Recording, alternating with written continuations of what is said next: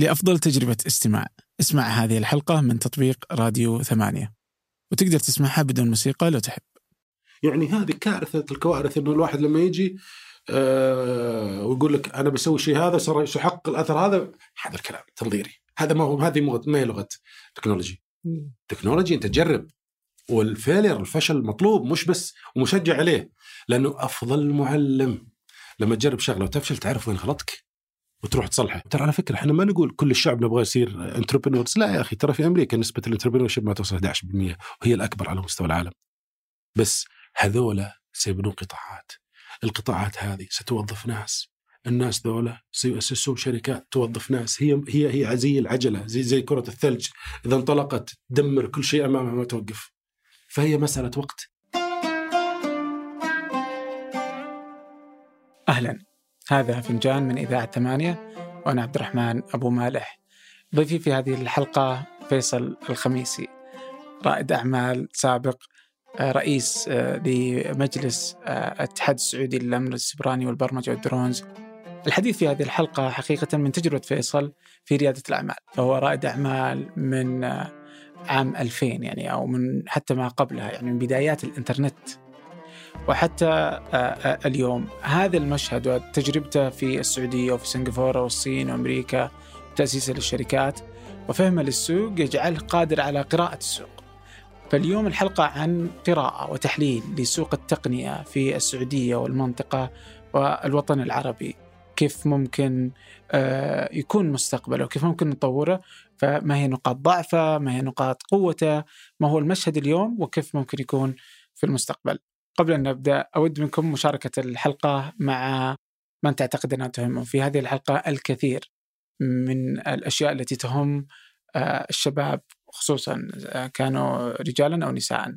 فمشاركة الحلقة هي مفيدة بالنسبة لنا ومفيدة آه، للجميع. ولا تنسوا اقتراح مواضيع أو ضيوف. تودون أن ترونهم على فنجان على بريد البرنامج فنجان at ثمانية dot com. أما الآن لنبدأ. يلا حيا هلا يا أهلا ومرحبا شوف ماسك شنو يقول يلا حي. الله يسترنا من البداية. اتذكر كل مرة قابلك. يعني اسقار ما تفك يدك ما تفك يدك و... والحين يعني لي لنا كم شهر في لقاءات شبه. يومية. يعني ما شاء الله لا إله إلا الله. يعني ما شفتك ابدا تدخن واثنين إنك ما تتحلطم. يعني ما كأنها حاضرة في مخك أصلا. شوف يعني الحقيقة إيش اللي خلاك يعني؟ الحقيقة ما أبغى أكذب وأقول إرادتي قوية و... و... صار لي مشكلة صحية. جتني فجأة. والحمد لله إنها راحت. فرعبتني بس طلع الوضع سليم. و... ولما فكرت فيها سنا يعني أنا دخل لي تقريبا 20 سنة. هي هذا عمر. ارهقني على مستوى حلقي صحتي تدري إني في شيء يعني طريف جدا. بعد ما تركت الدخان أنا محروم من المطاعم لي عشر سنوات ما أروح مطاعم. لأن كلها ممنوع الدخان كل دول العالم حتى الصين. زمان كنت إذا أروح أدخن. الآن الصين ما في مكان ممكن تدخن فيه. فتخيل ان الفترة الأخيرة لما فجأة رجعت الحياة بروح مطعم اكلم العيال أقول إيش رأيكم نروح Applebee's؟ زين. يا الله. زين ف... ف... حتى المطاعم ما أعرفها. ف آه، بعد ما جتني المشكلة الصحية ذي آه، والحمد لله إنها يعني طلع يعني false alarm however وجدت إنه يعني كانت wake up call. نداء يصحيك فقررت إني أتركه.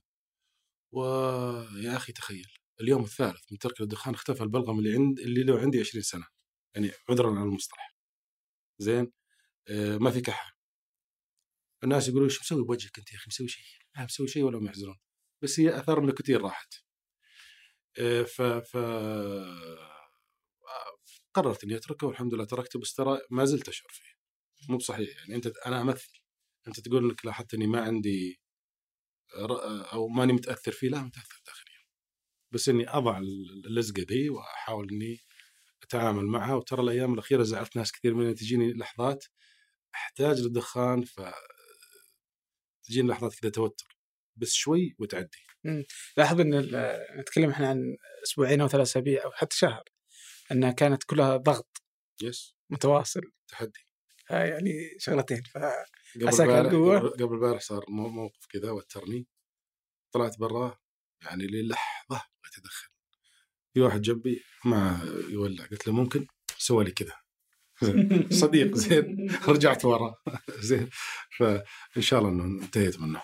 لا إن شاء الله. وأنا قلت ببدأ البداية بهذه علشان أخليك يعني الآن إنك قلتها أمام العلن فتزيد يحط ضغط على نفسك إنك ما ترجع. بإذن الله بإذن الله. متى أول مرة؟ آه، متى يوم اشتريت الشركة السنغافورية؟ متى كانت؟ الشركة السنغافورية أظن 2005 2005 نعم.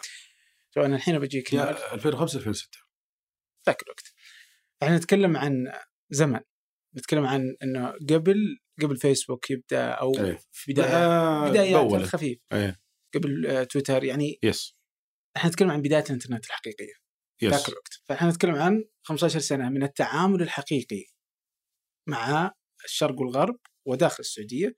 ودي تشرح لي المشهد وش الفرق بين الشرق والغرب وإحنا كيف قدروا رغم إنه إحنا يعني يعني ما في فرق بيننا كثير بس مع ذلك إنه الشرق والغرب قدروا إنهم يصنعون شركات آه، مليارية شركات عابرة للقارات وإحنا ما قدرنا.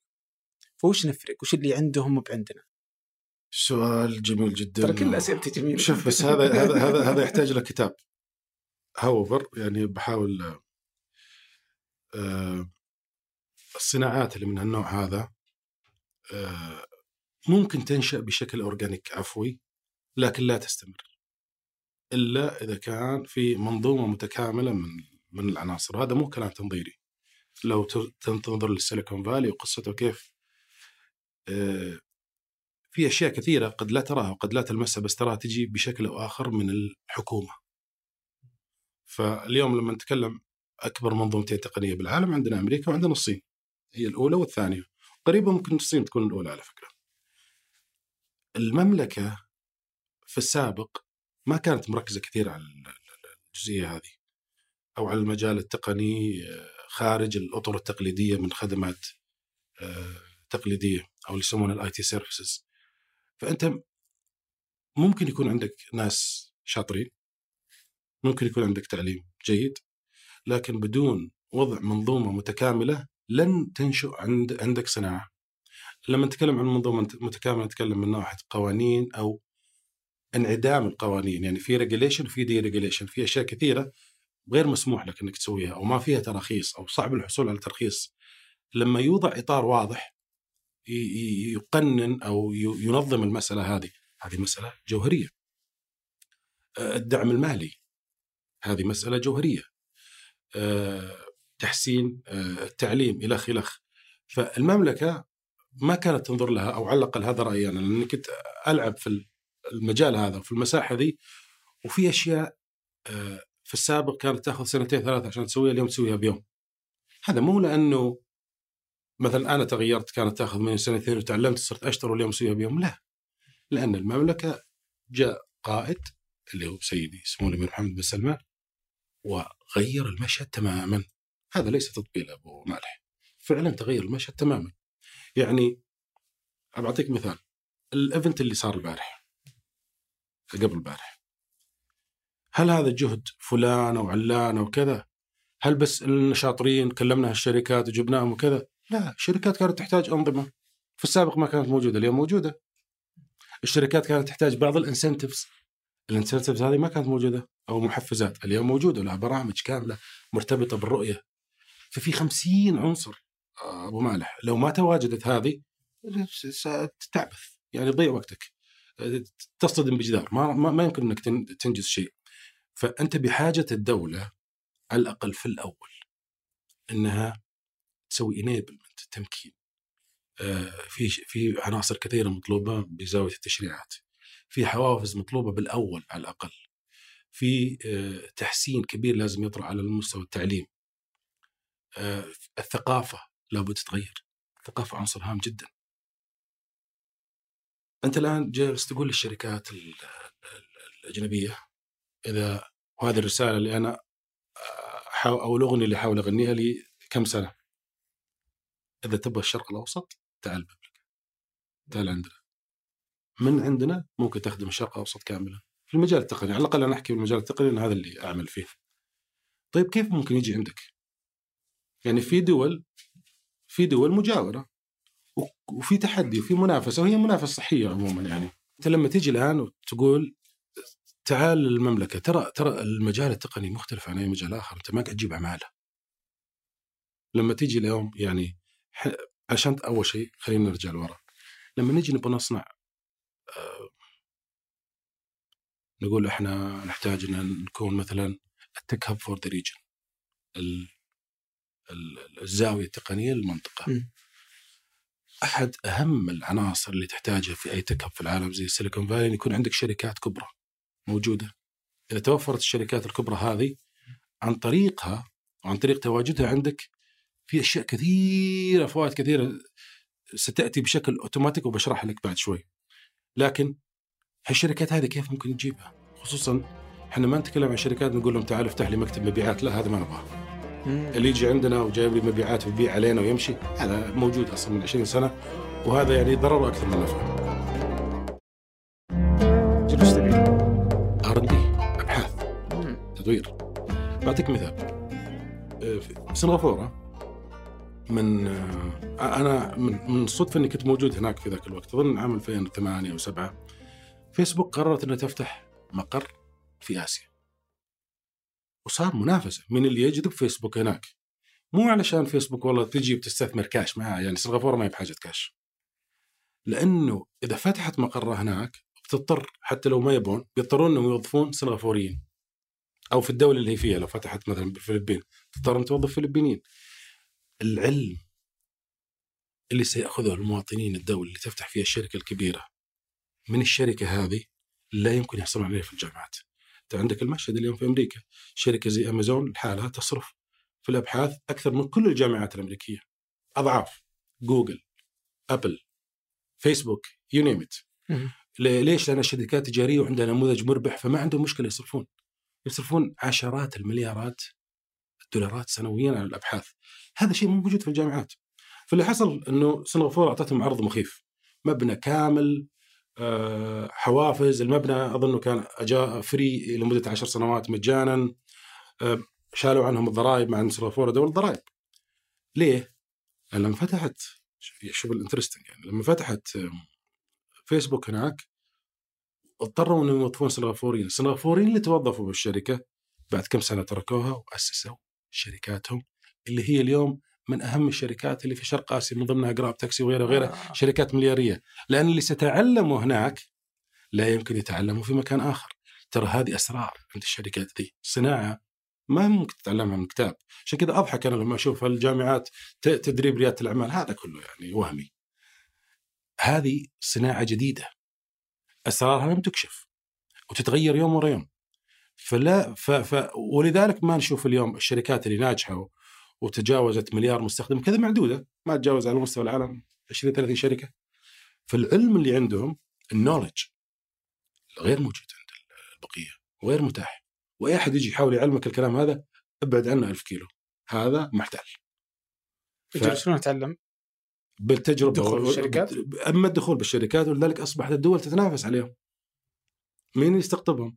فإحنا اليوم نبي نستقطب هالشركات هذه اللي تجي من المملكة وأرجع وأقول ما نبغاها تجي وتأسس لنا مكاتب مبيعات. شكرا. نبغاهم يأسسون مراكز أبحاثهم عندنا في المملكة. التطوير عندنا في المملكة. تبغى تستهدف الشرق الأوسط؟ الثقافة عن طريق المملكة. الوصول للمستخدمين عن طريق المملكة. البنية التحتية عن طريق المملكة لأنه في نهاية السنة حيكون عندنا أكبر cloud يخدم المنطقة.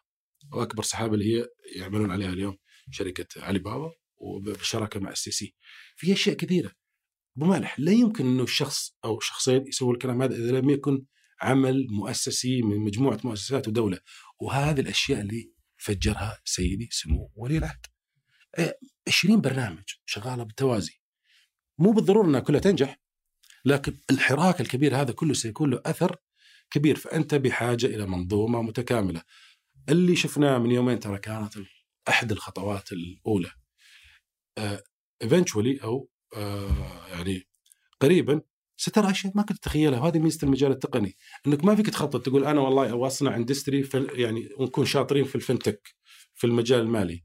أنت بس وفر الكفاءات المناسبة وأهلهم وفر البيئة السليمة وفر الأماكن السليمة. أنت أيضا بحاجة أماكن على فكرة.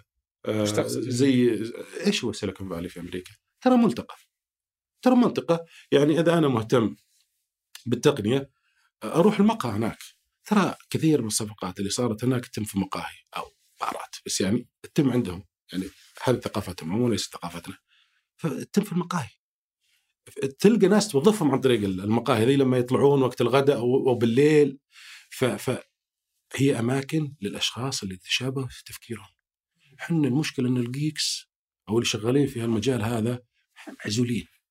في ناس ينظرون لنا على أن nerds ولازم تكون أنت لابس نظارات. و... ما بصحيح الكلام ذا بس فعلا بحاجة لمكان يجمع الناس هذه. وهذا ال teaser اللي طلعناه من يومين بس ما اعلنا إيش بيصير بس خلينا نقول stay tuned نفس ما ما, ما ذكرنا هناك. فأنت بحاجة لكل العناصر هذه مكتملة. بس تتوفر automatically تظهر عندك أشياء ما كنت تتخيلها. تطلع قطاعات جديدة. لأنه الشباب يا أخي والله المملكة فيها كنوز. ويعني الحمد لله التعليم عندنا من اعلى من الأعلى في المنطقة. ملايين ابتعثوا وعادوا. في شغف. آه، في إلهام. يعني لما يكون رأس الهرم زي سمو سيدي ولي العهد آه، يعمل بلا كلل. ترى هذا يلهم الشباب كلهم إنهم يقدمون أفضل ما عندهم. أنت بحاجة فقط إنك توفر لهم بعض الأشياء الأساسية مش تمارس نظام الأخ الكبير وتقول له سوي كذا ولا تسوي كذا. لا الإبداع يجي من عندهم هم وليس منك. لكن انت بس وفر الأساسيات قدم بعض المحفزات حسن التشريعات والأنظمة آه، حسن ال- ال- الجو العام في هالمجال هذا وهي مسألة وقت ستأتي أشياء أنت أصلا ما كنت تتوقع انها تجي. وهذه ميزة المجال التقني يفاجئك باستمرار. طيب هل أصلا منطقة الشرق الأوسط آه، منطقة تسوى للشركات إنها تجيها؟ سؤال جيد. يس ولا. يعني لو تلاحظ في الأعوام الأخيرة كم في شركة أجنبية استحوذت على شركة في الشرق الأوسط معدودة. بس عارف ليه؟ لأن إحنا ما نوصل لهم. هي مشكلة ثقافية أيضا. يعني أنا في على مستوى 20 سنة وأنا أنا الفلف بين هالمناطق وهالدول وكذا. ومؤتمرات أنا أذكر يعني أول event سويته في الشركة كان في برشلونة في شيء اسمه GSM Congress مؤتمر كبير. وكنا حاطين booth كنا الشركة السعودية الوحيدة اللي هناك. الله ظن 2007 ولا WC؟ لا لا GCM؟ GSM. Congress. اللي يصير ببرشلونه ف اي هو؟ إيه. ف آه، لأنه حاطين اسم الشركة وكنا حاطين جملة عربي ناسي وش كانت. كنا نقدم خدمة شات قبل واتساب وقبل الكلام هذا. فكانوا لما يمرون. ايجابك ولا؟ اي إيه okay. فمرت واحدة كورية في شركة كورية اسمها KakaoTalk. KakaoTalk هي زي WeChat حق الصين. هي واتساب. آه، كوريا. جت وقفت عندي قالت are you Arab قلت yes yes Arab قالت يا أخي تعال ابيك تشرح لي شغلة. تفتح لي تقول نزلنا خدمة ذاك الوقت الله الظاهر 2008 نزلوا خدمة chat rooms غرف. محادثة وتقول لي في عندنا غرف يصل فيها 4000 واحد.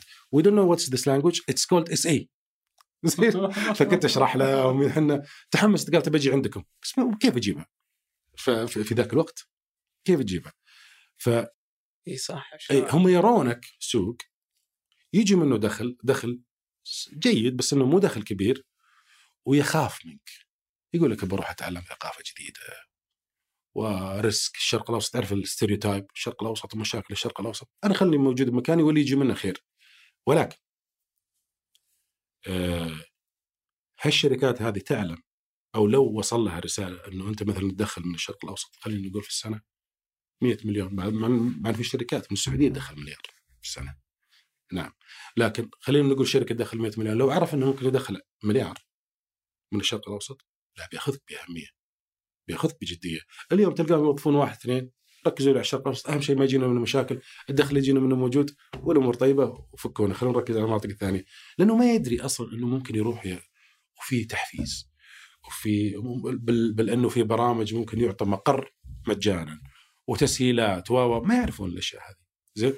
ف حنا نقول اليوم وهو أمر يعني نعتبره حق أصيل لنا على الاقل أنا هذا رايي الشخصي. ما أتكلم هذا ليس رأي حكومي أو إذا تريد أن تستهدف الشرق الأوسط فالمملكة هي لازم تكون قبلتك لأن الكفاءات موجودة. أنت تحتاج أنك توظف كفاءات. الوصول للمنطقة أسهل شيء. إحنا قلب العالم الإسلامي قلب العالم العربي.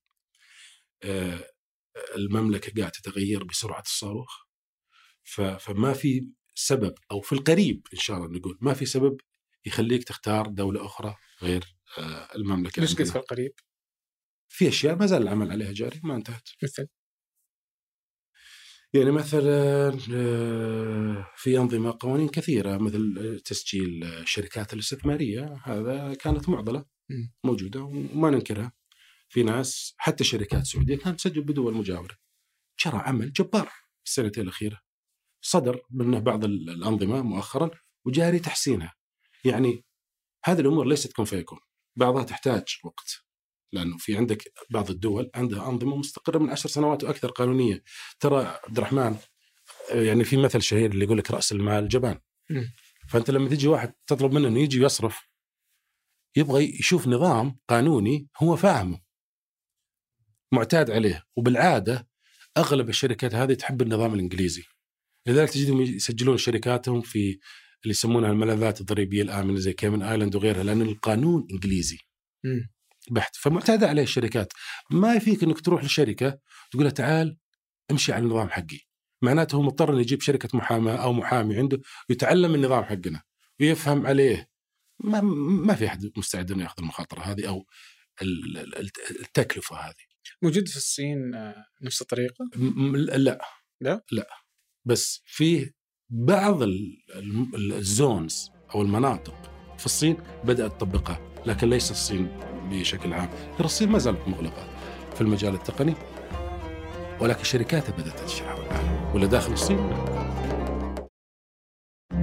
طيب آه خليني بتحداك شوي الآن إذا قلنا نقول إن السوق مثلا إذا أنا بجي أنا كأي شركة المفترض اني الهدف حقي إني أطلع فلوس. نعم. فإذا السوق ما يطلع فلوس من الأساس يعني ما عندي هدف آه في لقاء لك سابق. أنا ناسي والله إذا هو مع النويسر ولا مديفر أحدهما. ذكر إنك كنت تقول آه إنك آه وصلت لمرحلة إنك تدري إنه في ذي المنطقة ما يمديك تطلع مليار. صحيح. فرحت الصين صحيح. فإذا أنت ما تقدر تطلع مليار معناته السوق ما يطلع مليارات. صحيح, صحيح, صحيح بس ما كانت مشكلة سوق 50 مشكلة. أنت أصلا عشان توصل إنك تطلع مليار أنت بحاجة شركتك إنك تنمو بشكل سريع. عشان شركتك تنمو بشكل سريع أنت بحاجة إنك توظف عدد كبير من الناس. عشان توظف عدد كبير من الناس أنت بحاجة إلى تمويل كبير. أنت بحاجة إلى قابلية على إنك تجرب نماذج تجارية مختلفة. يعني أعطيك مثال آه اليوم ال STC Pay مثلا. ما صارت ممكنة إلا لأنه صار نظام يعني هذه وهنا أثني أنا وأطبل لمؤسسة النقد. زين؟ لأن مؤسسة النقد اللي سوت طبل للبنك المركزي عشان ما يزعلون. زين للبنك المركزي. ليش؟ لأنه الحمد لله اليوم السعودية من أكثر الدول تقدما في المنطقة بل أنا أراها الأولى. آه، في في في, في ال flexibility في في المرونه أيوه المرونه وفي ترخيص لكل شيء تقريبا في المجال المالي. لو ما كان في إمكانية الحصول على الترخيص هذا ما كان طلعت ال STC Pay. لأن مسألة بحتة قانونية. يعني آه واتساب ليش ما تقدم خدمات مالية؟ ليش ما تخلي الناس تحول؟ لأن الدول اللي تنزل فيها ما أعطتها رخصة أو ما في نظام رخصة أصلا كثير من الدول. الهند أخذوا فيها ثلاث أربع سنوات وما زالت خدمة تجريبية بالهند to do online payment في مسائل كثيرة الشخص أو الشخص اللي ما هو ضليع أو ما هو داخل في ال industry من برا يقول لك آه يا أخي ضيفوا خدمة payment يا أخي ترى مسألة ما هي ضغطة. في تشريعات وفي آه مبالغ مالية لازم توضع كضمانات و100 شغلة وشغلة. انت أنت ترى المنتج النهائي. ما تدري إيش التعقيد اللي خلفه.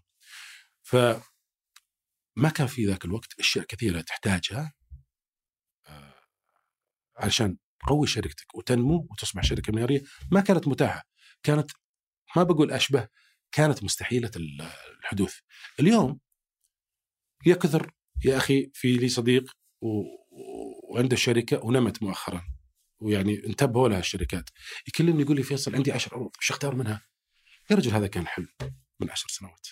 ما كان عندك إلا البنوك والبنوك لا تفقه ولا تفهم بالنموذج هذا. ليش؟ البنوك تبحث عن شيء آمن عقار. تبي منهم قرض أو تبي يمولونك يبيك ترهم بيتك. زين؟ النموذج الرأس المال الجريء لا. واحد مغامر تيجي تقول له والله أنا عندي منتج وسويته وأبي منك 10 مليون. وترى نسبة النجاح 2% عندنا ال- ال- اليوم موجودة شركات رأس المال الجريء هذا ليش؟ لأنهم شافوا بعض القصص اللي نجحت فقال لك يا أخي خلينا ندخل فيها. لأنه عرفا في المجال هذا رأس المال المغامر أو الجريء إذا سويت عشر استثمارات ممكن واحد ينجح. لكن اللي ينجح ذا يعوضك 50 ضعف. فهي مغامرة نسبة الخطر فيها عالية ونسبة الفائدة فيها عالية. هذه موجودة اليوم ما كانت موجودة من عشر سنوات. هل هذا ليش هذه وجدت؟ لأنه لما جت رؤية سيدي 2030 وأنشئت هيئة منشآت وأنشئت غيرها صاروا يعطون محفزات. تعال تبي تنشئ صندوق استثماري؟ حط 10 مليون إحنا نحط معك 10 مليون ولك. إذا ربحت نبغى 20% أو شيء زي كذا. إذا خسرت إحنا نتحمل خسارتنا. هذا النموذج ما كان موجود في السابق. تحفيزي. صار في نموذج صار في إمكانية الآن إنك تفتح صندوق رأس مال جريء في رخصة في السابق نكتة في السابق. أنا أعرف واحد خمس سنوات. في السابق هو يروح ويجي وما عاد يدري وش الجهة اللي يتعامل معها أصلا. وسوى وكان يقول يا أخي اخاف أمسك بكرة وانسجن لأنه ما عنده ترخيص. زين؟ كانت كانت كارثة. بمعنى يعني كارثة إذا أنت مهتم في بالنسبة لنا إحنا كتقنيين. لكن فكل الأشياء هذه توفرت اليوم. بعضها نضجت بعضها ما زالت في المراحل الأولى بعضها تتعثر لكن الحراك هذا بس يستمر هو بإذن الله سيستمر سيصلح نفسه بنفسه. كذا الأسواق. أنت تحتاج دخول الدولة وال push في الأول. بعدين السوق سيعدل نفسه بنفسه وينمو بشكل organic. ستحصل أخطاء ستصلح هذه ميزة المجال التقني. Build as you go. ابني وأنت تمشي. Or destroy things and move fast. امشي ودمر الأشياء اللي أمامك. وهذا اللي قاعد يحصل اليوم في المملكة. آه البارح أو قبل البارح كان عندنا مجموعة شركات أجنبية وفي وفود. لما شافوا قالوا يا أخي ما كنا نعرف الأشياء هذه موجودة عندكم. ففي أكثر من صحفي أجنبي وكذا كنت أتكلم معهم. كان يقول لي بعيدا عن الإعلام وبعيدا عن المجاملات لكم.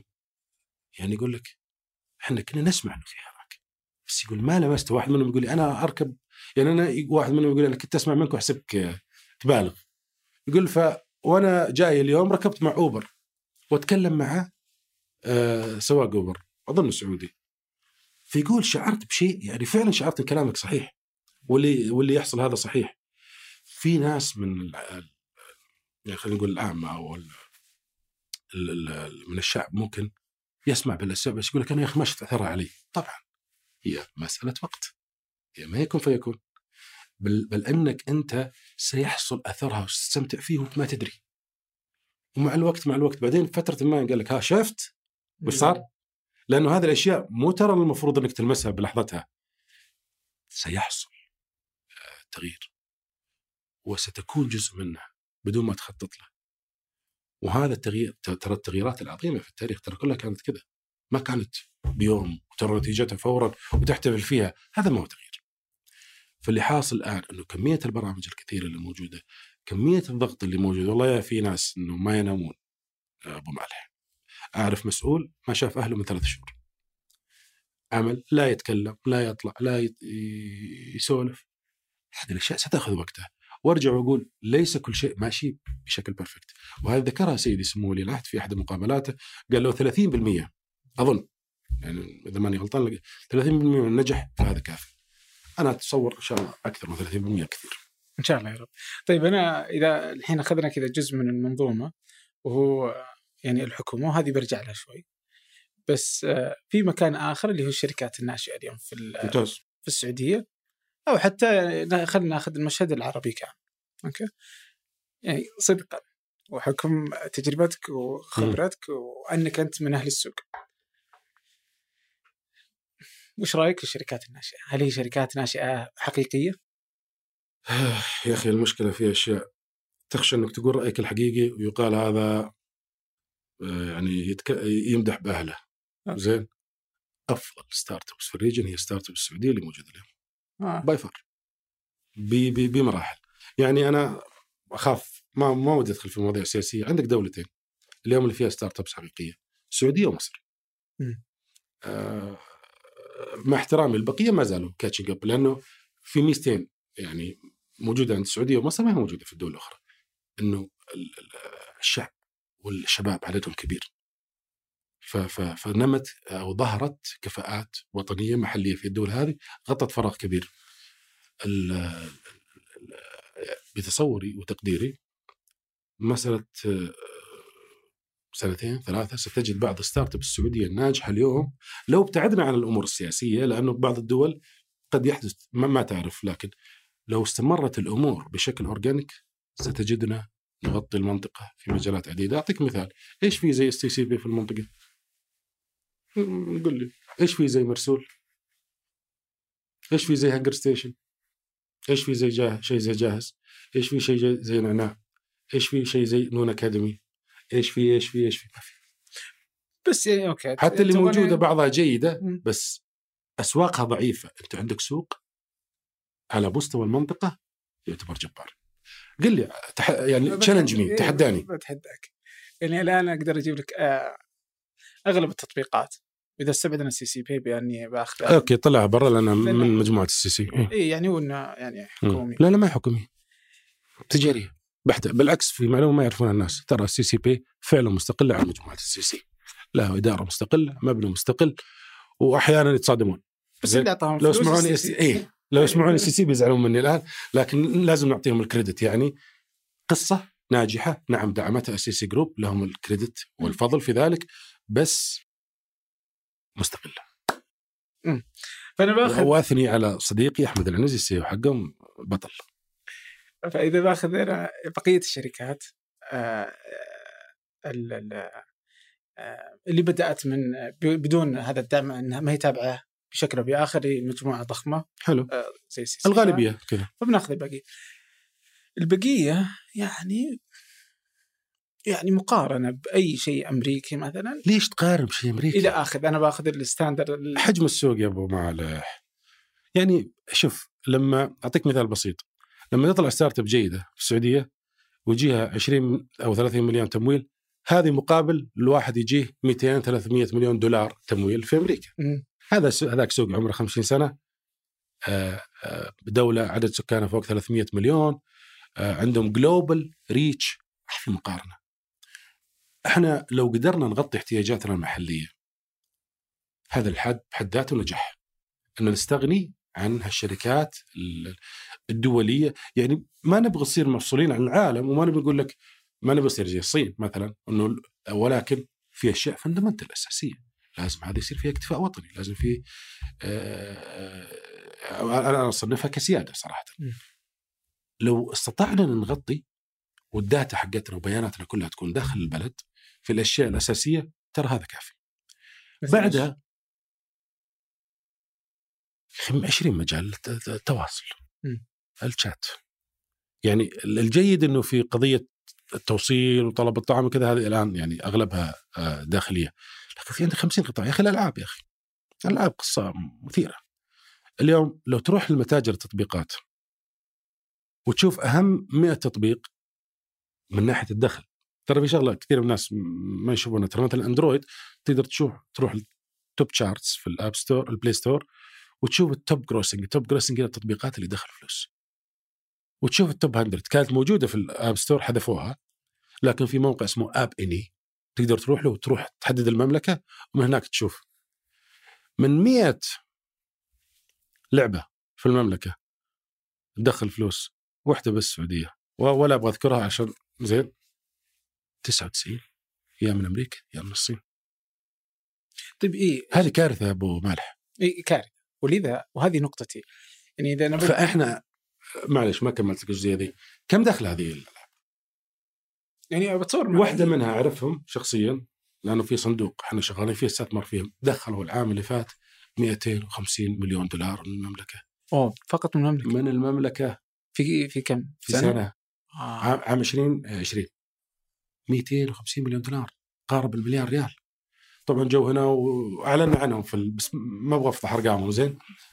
هذه واحدة أنت تتكلم عن سوق آه، أظن يصرف سنويا فوق 2 3 مليار دولار في المتاجر. هذا هذا economy هذه صناعة. لو لو قدرنا إنه من هال 100 تطبيق هذه 50 سعودي أنت لاحظ معي. كم عدد الوظائف اللي ستتولد؟ ال knowledge اللي ستتولد ال contribution لل GDP للاقتصاد ال ال ال ال 50 عنصر. ما هو موجود هذا الكلام اليوم. لذلك أحد الأشياء اللي اعلناها من يومين إنه بندرب 100 مطور ألعاب قبل نهاية السنة. آه في السعوديه؟ اي عن طريق شراكتنا مع شركة ون تي. وفي برامج أخرى شغال عليها وزارة الاتصالات وجهات أخرى. ف هذا قطاع واحد. فأنا ما أبغى أنافس أمريكا لا لاحقين عليها أبو ممتاز. أبغى هالأشياء هذه ما تتسرب للخارج نغطيها بشكل هو اللي يرجع على جزئية السيادة نغطيها نستفيد منها لانها فلوسنا بنهاية المطاف. فلوسنا هذه كلها طالعة برا. وبعدين automatically ستنتقل للعالمية لأنه هذا اللي حصل لكل الشركات. الشركات يا أخي فيسبوك أول ما بدأ ترى كان ولاية جامعة جامعة. حتى ما كان ولاية ولاية. لا لا غطى الجامعة ذي لما ضبط الأمور انتقل جامعه ثانية. في في خدمات كثيرة بالعالم. دولة تذكر نتفلكس على بال كم ما يفتحون دولة جديدة إحنا خلينا نغطي سوقنا. أول ما تغطي سوقك تلقائيا وهذه طريقة عمل الشركات الناشئة أو startups أول ما يصير عندك مثلا market share بنسبة معينة خلاص بتفكر بالدولة الأخرى أو ال market الجديد اللي بتفتحه. فهي اوتوماتيك ما يحتاج تخطط لها بتصير. ممتاز. اضبط سوقك الباقي جاي. أنا الحين بجيك الآن إذا أنت تقول السعودية والعاب وأنها تدخل مليار إيه في سنة إيه. واحد. إيه. حبة واحدة شوف كيف؟ إيه. واحد. فمعناته في سوق في قوة شرائية. بس هذه هي هي رابع لعبة. يعني ما هي ما هي من الألعاب الصغيرة. إي الآن إذا أخذنا مجال الألعاب أقدر أخذ أي مجال ثاني. لاحظ إنه أنت تتكلم عن مجالات عدة. أوكي؟ وإن الفلوس خلينا نتفق ان الفلوس ليست مشكلة عند السعودية. من اليوم. في السابق كانت مشكلة. كل يقدر يعطيك فلوس. لا يعني أول ما حد يعطيك. والله؟ جزئية مرة مهمة. ولا كان بإمكانك إنك تجد مستثمر يحط معك مليون ريال في السابق لو ما الدولة والله أنا يعني أرجع واركز على الجزئية هذه. والله إني أتكلم الكلام هذا من قلبي ولا أح... ولا لاي مقصد من وراه كان عندنا مشكلة ثقافية. ما في أحد يبغى يستثمر. يقول لك يعني أنا حصل لي اجتماعات ما أنساها بحياتي من كثر ما كانت يعني مضحكة مبكية أو محزنة. تروح البنك تقول أنا أنا صار لي اجتماع مع أحد البنوك ماني ذاكر اسمه من عشر سنوات. كان عندنا مشروع خد- خدمة أطلقناها وكان فيها growth ونحتاج ان نوسعها ونحتاج مبلغ كبير. ورحت البنك وش ترهن لي؟ وش ال asset اللي عندك؟ وش الأصول اللي عندك؟ ال asset software لا يا شيخ. هذا ال software تعطيني اياه بسيدي آه، عقليه هذا كان النموذج اللي موجود. اليوم لما الدولة أو أو بعض الصناديق اللي ممولة من الدولة بدأت تمول هالأمور وصار فيها نجاحات صاروا ذولاك يشوفون. قال لك آه ليش تضيع علي الكيكة ذي بدخل وآخذ جزء منها. فلا ما كانت موجودة في السابق. ابدا ما كانت موجودة. طبعا يعني إلى الآن في بعض التحديات اللي مثلا أنا كثير. لا لا مثلا البنوك إلى الآن يعني ما تحتاجها. لا لا. لا, ب- اي بس أنا أذكر إني رحت على ثمانية. امم آه. بيقول لك وش أنت؟ إيه قال لي لا إحنا ما ندعم ما نعطيك. أول عندك بدل رخصة. رغم ان الراجحي راعي حتى بس برضه ستيل يعني نفس الشيء اي بيقول لك أنت عندك رخصة. أنت آه. طيب أنا يا أخي موقع. إيش هذا الموقع؟ اي ما والله أبد. قالوا لا ما نعطيك ما, ما يعطون ما يعطون. مم. عشان كذا آه، في أمريكا ترى كان النجاح ال- الباهر والكامل من الصناديق ال- لكن في نقطة عن أمريكا. في ناس يقول لك إيه لأنه دولة رأسمالية وهم شعب مغامر. لا يا حبيبي. في صندوق مثلا في أمريكا اسمه أظن نسيت والله شو اسمه Q شيء. وهو من من اللي يستثمر في أوائل الشركات التقنية الناجحة. مملوك لل CIA ومعلن وما هو سر. مو سر يعني. زين آه نسيت إيش كان اسمه. في حرف Q في صناديق أنشأتها جهات حكومية. ومولت شركات وجدتها ناجحة بالأول. وانطلقت. وبعدين باعوا حصتهم. أوكي. فالحين برجع لريادي الأعمال لأني عادي وأنا منهم فأقدر أجلد البقية. فأنا اغلبهم اصدقاء يعني يتحملون. أبد، وانت منهم برضو لكن آه بخليهم على جنب بس على نقطة تدخل الدولة. مثلا زي الصندوق اللي تقول عليه من ولا. قاطعك. ما نبغى تدخل دولة وأنا دائما أقول هذه. ويعني وأقولها بكل شجاعة. الدولة نبغاها تمكن ثم مم. ما نبغى. آه هي إذا إيه. دخلت تنافس هذه مشكلة. لا. وهم يسوون أحيانا الحين عندنا. لكن آه، ناخذها في ناحية الدعم. يعني أمريكا يعني غير الصندوق هذا اللي ما أعرف شو بس في الصندوق آه الآخر اللي هو داربا. إيه. هذا مملوك لوزارة الدفاع. نعم نعم. علنا يعني نعم نعم نعم نعم. هو كثير من التقنيات مطورها أصلا. وموجود من عام 1958 نعم. فإحنا نتكلم عن صندوق قديم جدا و ويدعم الأبحاث. نعم. يعني كذا. أنا ما أدري الحين بكيس لك شوي. مم. بس أنا أتوقع إنه يدعم يمكن خمسين ألف بحث في السنة. صحيح صحيح. إيه. ما أعرف الرقم بس يعني أثرهم كان كبير جدا. اي و...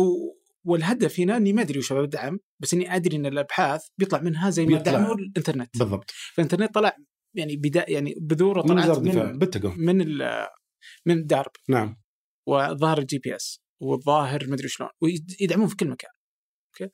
هذا الوصول هذا الدعم المتقدم يعني ترى كل اللي نتكلم عنه مثلا في لانش ال- ال- الفعالية اللي قبل كم يوم في برنامج همه على إنه بيدعم برضو الأبحاث يعني مقارنة بما يحدث هناك هذا على استحياء لاننا بسيط جدا يعني قمة بحث يعني دعم الأبحاث يعني أبو مالح بسيط ما يذكر أب أقول لك شغلة هي ليست لعبة أرقام بل أنا من الناس اللي كنت لما كنا نتناقش مع كل منظمين الفعالية وأصحاب المعالم كنت تقول يا جماعة تكفون لنا عن الأرقام. ليش؟ أنت في المجال هذا في قاعدة trial and error جرب وافشل. فما فيك أنت يعني أنا من الناس اللي ما يحبون شغل الاستشاريين اللي يجيك من الأول ويحط لك خطة كاملة يقول لك امشي عليها. لا يا أخي ما في كلام زي كذا. أنا أتكلم في المجال التقني. ما في في المجال التقني أنت تسوي شيء ثم تشوف هل مشى ولا ما مشى. وكيف تحدد مشى ولا ما مشى؟ مسائل يعني data بيانات وليس اجتهادات شخصية. A/B testing وأمور كثيرة تسويها. فإحنا نبدأ بالصندوق هذا بالأول. أول شيء نتأكد إنه النموذج حقنا صح. إحنا ما ندري هو صح ولا لا. أي أحد يجي طبعا. يعني هذه كارثة الكوارث إنه الواحد لما يجي آه ويقول لك أنا بسوي شيء هذا صار سيحقق الأثر هذا هذا الكلام تنظيري. هذا ما هو هذه ما هي لغة technology technology أنت تجرب وال failure الفشل مطلوب مش بس ومشجع عليه. لأنه أفضل معلم. لما تجرب شغلة وتفشل تعرف وين غلطك. وتروح تصلحه. في صناعات أو industries عمرها 100 سنة زي الطب. ما فيك تجرب بالطب في أفضل جامعات تتعلم فيها. الصناعة ككل والعلم حقها ثابت. التغيرات اللي تحصل فيه ليست طفرات كل كم سنة. ثابتة. فأنت ما فيك إنك تغامر وتختر على رؤوس الناس. لكن مجال التقنية كل سنتين يتغير. ما في علم.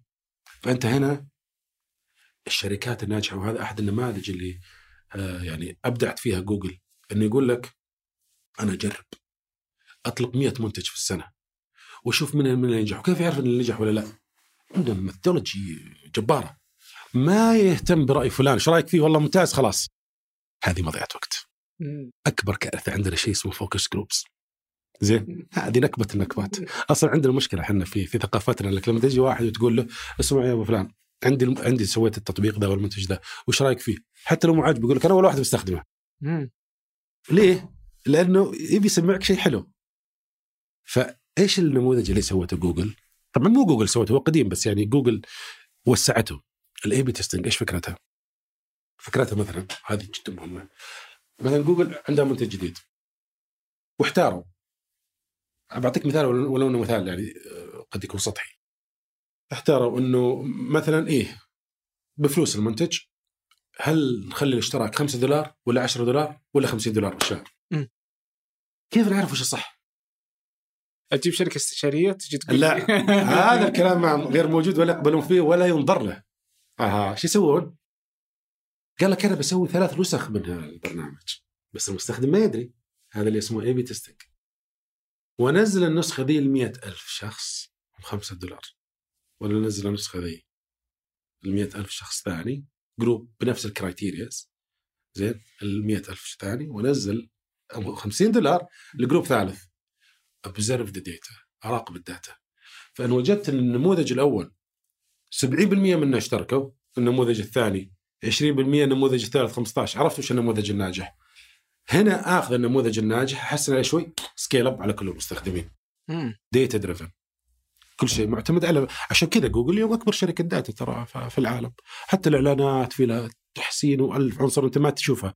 لما تبحث بجوجل في ألف algorithm behind the scene ومعادلات تصير في جزء من الثانية وتطلع لك نتيجه data فإحنا اليوم لما نجي على الصندوق ابو مالح هي المسألة ما هي مسألة. اسمح لي على المصطلح ما هي مسألة هياط. والله الصندوق مليارين ونص ولا ب 10 مليار ولا 100 مليار. that's not the point هذه ما هي الفكرة. الفكرة إنه إحنا نعتقد إنه هذا كافي للسنة الأولى أو هو اظنه خمس سنوات ك test bed. نشوفه نضبط النموذج طبعا أنا ما أتكلم هذا البرنامج من وزارة الاتصالات لكن يعني أنا كصديق لهم أعرف تفكيرهم وأعرف يعني شاطرين وعارفين إيش قاعدين يسوون. فأنت تبدأ النموذج هذا تتعلم من أخطائك. في بعض الأشياء ستفشل في بعض الأشياء ستنجح. بتعرف حجم السوق بتعرف حجم ال demand الطلب. بناء عليه ستضبط وتطلع النسخة الثانية. فك فكر فينا ك software. عندنا version 1 version 1.1 لين نصل version 2 وتحسين مستمر. فليس مهم الحجم أو الشيء اللي نطلقه بالأول المهم الاستمرارية. إنك أنت تستمر تحسن ما توقف. تتعلم من أخطائك ما توقف. وهال data هذه اللي هو observe تحسن من وراها. eventually تمشي معك. وهذا آه هذا العلم التقني. ممكن تفشل. طبعا. و so what. خليها تفشل. أرجع وأقول ترى ترى أحد الأشياء العظيمة في الامريكان تحديدا في عالم ال- لما تروح السيليكون فالي وكذا لما تيجي وتقدم اليوم عندك اسست شركة مثلا startup ورحت ال- الصندوق الاستثماري أو شخص من ال angel investors وجيت وطلبت منه إنه يمولك. تدري أحد الأشياء اللي يركز طبعا ما حد يركز على ال presentation لما تجي وحط presentation ونستهدف كذا وهذا ال vision حقتنا وهذا ال mission وفي السنة الثالثة بيكون عندنا مثلا 5% market share ترى ما حد يركز على الهلس ذا زين؟ لأنه مو صحيح. أنت قد تسوي أحسن منه عشر مرات. قد تسوي أحسن منه. لا يمكن إنك تسوي زيه. لا يمكن إنه اللي أنت كاتبه حيتم هذه الأشياء ال business models ذي هذه الشركة عمرها 20 سنة. ومعروف من عملائها وتنمو سنويا بالنسبة المتوقعه و... و... أما startup هاو أنت جاي أصلا تدمر سوق قائم. جاي يعني تجرب. زين. فيركزون على إيش المالح كم مرة فشلت. لأنه على عدد المرات طبعا مو تجيني فاشل 200 مرة. لا، زين. بس لما تكون عندك تجارب وتعلمت منها هنا يوم فيك هنا يطمئن إنه يغامر معك. لأنك لن ترتكب أخطاء بدائية أساسية معه. يعرف إنك تجاوزت ال learning curve هذا. هنا يطمئن ويشتغل معك. فالفشل جيد بالعكس الفشل لنحتفي بالفشل. وهذه لما كنا نتكلم قبل شوي تقول لي ليش ثقافية؟ هذه مشكلة ثقافية. هذه أزمة ثقافية عندنا. الناس عندنا تخشى من إنها تسوي شيء بسبب إنه يخاف إنه يفشل. يا رجل أنا أجزم لك إنه ما بعطي رقم بس لا خلي بعطي رقم يلا. ما في يمكن عندك مليون شخص عنده فكرة من خمس سنوات يفكر فيها. ليل نهار وكاتب فيها وحاط نوتات يمكن يسوي بالزي ولا أخذ الخطوة الأولى. خايف يترك وظيفته ويفشل بعدين ويضحكون عليه الجماعة. زين؟ خايف خايف خايف خايف. يا أخي يفشل يا أخي. ما في شيء إنك تفشل. الفشل الأول أو الفشل الثاني هو اللي يخليك في المرة الثالثة تصنع شيء ممكن فعلا يغير العالم. حقيقة وليس تتذكر آه، قبل كم قبل أسبوع يمكن كان مع أبو يوسف مع الوزير الاتصالات. إيه.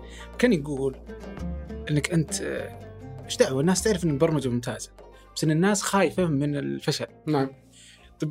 الحين شو- شلون تحلون المشكلة ذي؟ شلون ممكن أحد يحل أو يغير ثقافة ناس تخاف من الفشل؟ Thank you أنت لو لاحظ إيش ركزنا ثلاث أشياء هامه قمه طريق. هم طبعا تجي تحتها مجموعة أشياء آه، اللي هي فعاليات. بغض النظر عنها أكبر ولا بس إحنا جايبين event ات تقنية. الفكرة منها ليس التعليم. يعني في عندنا طويق مثلا عشان أعلمك برمجة هم عشان امولك وأدعمك و... لكن إحنا بحاجة لملتقيات من هالنوع. إنك تسمع القصص دي تراها. برنامج إرباك التلفزيوني. لما تشوف startups هذه قدامك وتشوف قصتهم بعد كم سنة تشوف وين وصلوا تغيير ثقافة. نبغى نوريك القصص الفاشلة ذي نبغى نوريك اللي فشل هذا وصل بعطيك مثال. تذكر بوكيمون جو. بوكيمون جو بعد ما طلع يا أخي كانت فترة بالنسبة لي مضحكة لأنه في كذا شخص أعرفهم أنا تجار. زين؟ بعضهم ما اعرفهم أنا بس يعرف واحد يعرفني. يتصل فلان بيقابلك يا أخي بيسوي بوكيمون جو. ما أدري إيش يسوي بحالي يعني زين؟ يحسبون إنه ممكن يسويها بيوم وهي فكرة. وطبقها. الرجل هذا 20 سنة قبله فشل فشل فشل فشل فشل. لين ضربت معه بوكيمون جو هي 20 سنة. لو تقرا قصته من أجمل القصص أسس شركات كلها نجاح صغير هنا نجاح صغير هنا. هذا الوحيد اللي ضربت معه. 20 years. ما وقف وكلها فشل فشل. بعدين ب... الأشياء اللي تعلمها كلها صبها في ال startup حقته ذي. سوى أحسن شراكة مع نينتندو اللي يملكون بوكيمون جو ك... إيه. البوكيمون ال- إيه. ك brand. كبراند. آه، جاب أفضل فريق شكله من الشركات اللي أسسها أو اشتغل معها في الفترة السابقة. سوى أحلى خطة تسويق من ال- ال- الخطط السابقة اللي مارسها وبعضها نجحت وبعضها فشلت وضع كل شو اسمه عصاره تجربته في في في ال- ال- ال- المشروع هذا. والمشروع هذا غير العالم. بعدها باسابيع لقينا الناس زي المهابيل يمشون بالشارع ويدور صارت ولا ما صارت؟ لا فما فيها شيء. إي وتلقى إنه أصلا يعني ك... بس إنه ولا قاطعك أبو مالح. الناس ما كانوا يدرون بالكلام هذا. هنا إجابة على سؤالك لو يعرف القصص دي ويعرف طريقتها ويرى واحد قريب منه يقول له الكلام هذا ويرى أمثلة أمامه آه، بيدخلوا بالمجال. لأنه إحنا ما نختلف عن العالم. إحنا ما ينقصنا شيء. بالعكس أصلا أنا في كلمة كنت بقولها بالمؤتمر وبعدين هونت عنها. أنا أعتقد سألني واحد قال لي أنت يا أخي جاينا الحين تقول السعودية والسعودية. طيب يا أخي في دول ثانية بالمنطقة صحيح. مع احترامي لهم جميعا. ال entrepreneurship أنا ما أحب كلمة ريادة الأعمال لأني أعتبرها كلمة وهمية. أصلا ما أدري من اخترعها. ممكن نقول مبادر. okay. بس ريادي يعني ما أدري إيش معنى هذه. زين. يمكن الرائد في العربية يعني. ما أعرف يا أخي هي, هي. أصلا كلمة فرنسية والمقصود منها مقاول. آه، ترجمتها الحرفية. مقاول؟ مقاول. ترجمتها الحرفية. زين. خلينا في ال في ال entrepreneurship is about taking risk إنك تأخذ مغامرة وتغامر. في أكثر في ناس مغامرين زي شعب الجزيرة العربية. إحنا غيرنا العالم. لا. زين. في كل مكان من هالمنطقة. إحنا شعب مغامر. إحنا شعب شجاع. عندنا إرادة. زين. يحتاج تعليم أفضل. يحتاج ما أبغى أقول لك يعني أنا أكره ما علي كلمة إنه أحتاج دعم. لا اللي يحتاج دعم اقعد ببيتك. أبغى الدولة تدعمني. لا يا أخوي مو دور الدولة اللي تدعمك. لو دعمتك الدولة رحت ب 60 داهية. ترى هذا مو دور الد- الدولة. الدولة لو تدخلت بشغلك ما صارت شركة ناشئة. زين؟ ف أنت لازم هذا الشيء ينبع من داخلك ولازم أنت تأخذ الخطر ولازم تغامر ولازم تتعب ولازم تفلس ولازم تبيع سيارتك ولازم لازم ترى هي إلا. القصة اللي موجودة بكل مكان. لازم إن الدولة أصلا تتركب في حالك. تترك في حالك. إيه. هذا المفروض. هذا اللي لازم. بس المفروض الدولة تأمن لك التشريعات المناسبة. صح. توفر لك التمويل المناسب بالشروط التجارية وليس منحه مم. ترى ما في صندوق استثماري بنظام الأخ الكبير ينجح. كلها فاشله أتحدى وجود صندوق استثماري حكومي بالعالم يمول الاشياء هذه نجح ما في. كلها خاصة. زين. لكن بالأول تحتاج الدولة. الدولة عندنا هنا سوت نموذج جبار. الدولة تمول الصناديق وليس الأفراد. مم. الصناديق اللي هي مملوكة للأفراد. أفراد. الأفراد. أو شركات. قطاع خاص. قطاع خاص. وتشيل عنهم جزء من ال risk. بس بالأول مدة كم سنة؟ لين تنمو على أقدامها من نفسها وبعدين كله لازم السوق. السوق اللي يتحكم فيه وليس الدولة فالشعب طيب. شعبنا أنا وهذا رأيي آه، بدون عنصرية آه، أكثر شعب مصمم أنهم يكونون انتربرنورز ممتاز الحين خليني اتحداك بناء على. ثقافة أهل الجزيرة العربية وهنا نتكلم عن السعودية. آه فإذا كان منهم عندهم الكرم عندهم ال- ال- الإقدام والشجاعة آه يعني في شيء يعني الحين كذا برضه هذا برضه أحس كيسي واجد مليان بجيب لك من الكيس. لا تورطني لا لا الله لا, يستر منك. لا, لا أبد. إنهم أغلبهم آه يعني على مر الجزيرة العربية إنها ما تنتج. هم ناس ما ينتجون هم تجار. يجي يجيب أشياء من بعيد ويبيعها مرة ثانية. يجيب آه، يأخذون القوافل من اليمن ويودونها الشام. يعني وإلى اليوم إيش نسوي؟ أروح أجيب لي تقنية من برا وأبيعها هنا. أجيب شركة أمريكية وأجي أنا وكيل لها في السعودية. هذا النموذج القديم. هذا الجو العام حتى الآن يعني أنا باخذه إنه إلى الآن هذا الجو العام يعني نسبة الابتكار في السعودية وهنا رجعتي على ريادي الأعمال نسبة الابتكار تكاد تكون معدومة. يعني عطني منتج مبتكر تلقاها كلها كريم عشان أوبر مرسول عشان مدري إيش هانجر ستيشن عند دور دلاش ممكن أطلع شوي من التقنية؟ أه واتساب ها؟ ممكن أطلع شوي من التقنية وأعطيك منتج مبت... البيك ما هو منتج مبتكر؟ لا. بيطلع عندك 20 بيك في التقنية. مسألة وقت. مسألة وقت. البيك ما هو منتج سعودي؟ منتج سعودي. ال- كم عدد الجنسيات اللي تجي المملكة ولما توصل؟ أول شيء يفكر فيه لما يوصل مثلا حج ولا عمرة أول شيء يفكر فيه إنه ياكل بيك. أول ما طلع برا المنطقة زحمة جدا. بس هذا الشاذ. لا مو بشاذ. بقول لك شغلة. هي تعتمد على النموذج الاجتماعي أو طريقة الدولة. نتكلم بصراحة. مع إنك أنت بدخلي بالسياسة وأنا مالي في السياسة. في السابق كانت الدولة تهتم فيك من ألف إلى ياء نظام الأخ الكبير. مم. فأنت لست بحاجة إنك تبتكر. أنت كمل دراستك تبتعدك الدولة تجي وظيفة حكومية جاهزة. وش اللي يضطرك إنك تبتكر؟ التجار يأخذ وكالة وهو مريح. ال- الحاجة لم تكن موجودة للابتكار. هذا لا يعني إنك شاب غير مبتكر. لكن لما جاءت رؤية سيدي وقال لك إحنا سنحاول أن نوازن ما بين اعتمادنا على النفط وفتح مجالات أخرى. وأصبحت الدولة تقلل من نظام الأخ الكبير. شوي شوي يا أبو مالح. اوتوماتيكلي تلقائيا الشباب سيتجهون للامور هذه. فلما يصير ال- ال- الشفت هذا ترى الشفت هذا قاعد يحصل إحنا نتكلم. قاعد يحصل يوم ورا يوم بس في صدمة بالأول. يعني هذا متعود وأهله متعودين إنه تخلص وكل شيء جاهز لك. بكرة لا قاعد يقول لك في عندك الوظيفة الحكومية هذه بس ترى في شيء ثاني أفضل. ترى في ولد عمك فلان هذا أسس شركة باعها ب 10 مليون. هذا أفضل لك. في السابق هذه ما كانت متاحة إلا اللي من عائلة تجارية. تطلب وكالة ورأس مال ما هو موجود. اليوم إصرار رغبة جادة عمل دؤوب وممكن تملك ال- المسألة هذه. هذه ما كانت متاحه في السابق ومهارة تملك. ومهارة. طبعا لازم تملكها أنت. مم. وقلب أسد. هذا الأساس في العملية هذه اللي هو موجود عندنا. ما يحتاج إن نبنيه. فتعتقد إن مسألة إننا اليوم يعني أنت اليوم تفتح اي تغير نظام الدولة. لم يعد النظام الأب الكبير. الدولة تبغى الحكومة تكون رشيقة. على الأقل هذا فهمي. مم. أنا ما أتكلم باسم الحكومة الآن. دورها يكون enabler ممكن لكن ينمو قطاع خاص.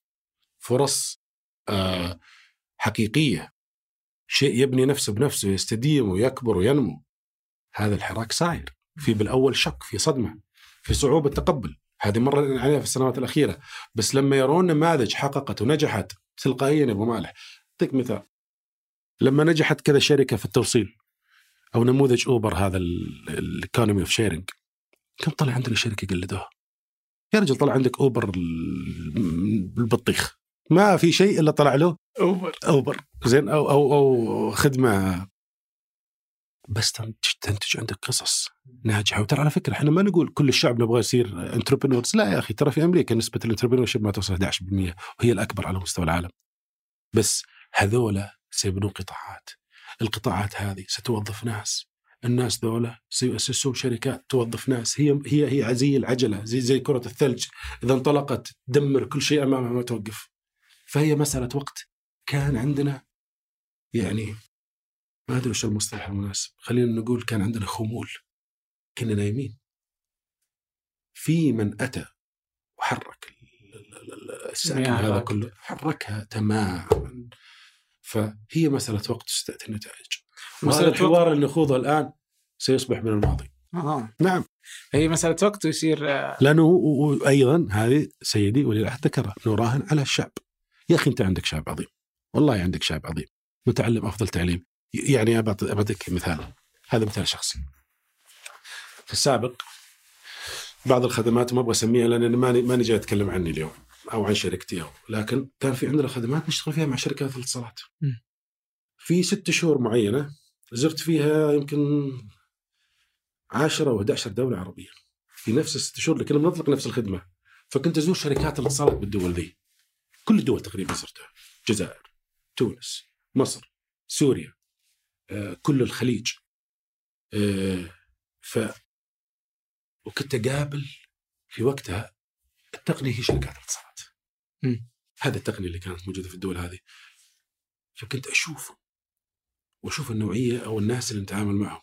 وأنا أتعامل مع شركات الاتصالات اللي عندنا أو GCC تحديدا من سنوات فحافظهم. يا رجل مع احترامي لهم جميعا. أنا أخاف يزعلون بعض الاصدقاء يعني زين. وين حنا؟ وينهم يا أبو علي؟ انذاك أنا ذاك. مم. بس لأنه نموذج الاتصالات كان يصرف عليه وكان مأخوذ بجدية وكان في دعم من الدولة وكان في شركات قائمة. اليوم في التقنية بتتكرر نفس القصة. زين. يعني لا مستوى الأنظمة اللي موجودة. كنا لما نطلق خدمة هنا. بأسابيع في بعض الدول ستة شهور. عشان نربط مع الانظمه ونعيد صياغه اللي عندنا و. طبعا هذا كلام قديم. زين؟ مصر كانت متقدمة قريبة منا فوين يا رجل؟ اللي مستوى الأشخاص اللي تتعامل معهم. لما كنت أتعامل معهم بدون ذكر اسماء شركات هنا في المملكة كانوا كلهم مهندسين ماخذين أفضل تعليم. لغتنا سهلة. نفهم على بعض بسرعة. نقدر ننجز نخلص. بعض الدول الأخرى من دون ذكر اسمائهم احترامي لهم اتمنى أنهم يعني يزدهرون أكثر وأكثر. لأن هذه من مصلحتنا لأن المنطقة كل تنمو. و... يعني زين. ما أبغى انتقدهم بس we are far away from the rest مشكلتنا الوحيدة إحنا سيئين في تسويق أنفسنا. يعني في ناس كثير تنتقدك في المنطقة وأنا اقولها دائما في ناس كثير ما يتفقون معي.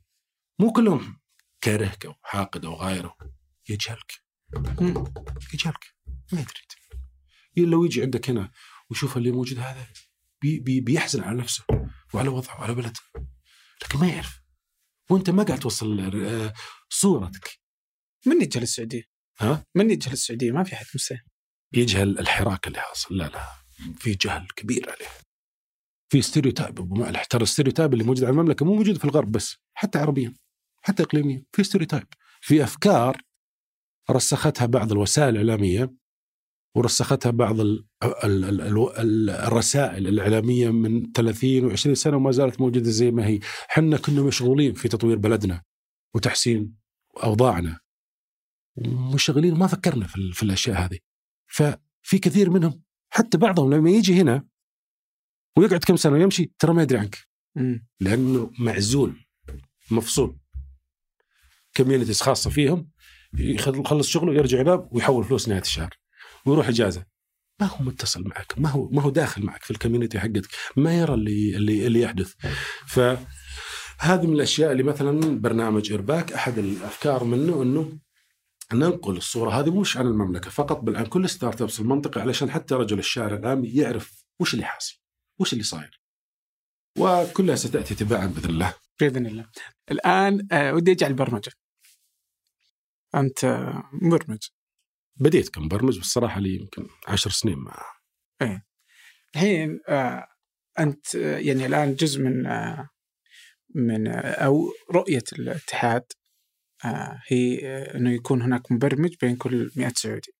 في 20 30 هم؟ في 20 30 في 2030 ليش أصلا ليش يهمك وجود المبرمجين؟ أنا بتوقع إنه إذا في شيء رسالة واحدة عند فيصل شكرا على السؤال هذا. إنك انك تبحث عن يعني كذا في شيء تبشر فيه حياتك كلها إنك تبغى الناس تكون مبرمجه أنا أقول لك ليش. بس ليش؟ يعني ما فهمت السبب.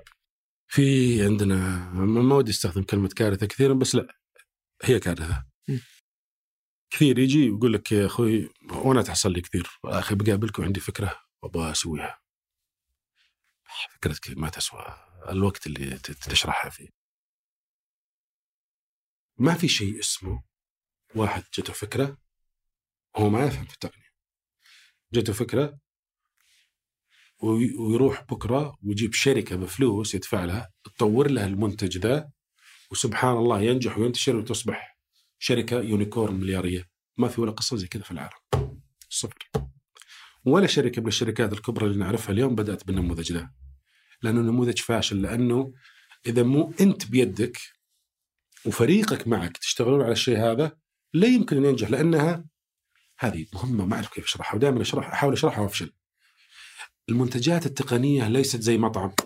أنا أسوي مطعم وهذه الريسبي وهذا الشيف وسوى لك الذي يجون الناس ياكلونها كل يوم مبسوطين. المنتج التقني لازم كل يوم تحسين. ما يتوقف، أنت ما تراه كمستخدم، هذا كله يحصل خلف الكواليس بالمطبخ. أنت تشوف نسخة جديدة ما تدري إيش فيها بس ترى في مليون عنصر صغير تغير فيها. ف ما في شيء إنه واحد شاب شاطر عنده فكرة وراح واستعان بشركة من الشركات ال outsourcing دي اللي تدفع لهم ويطورون لك.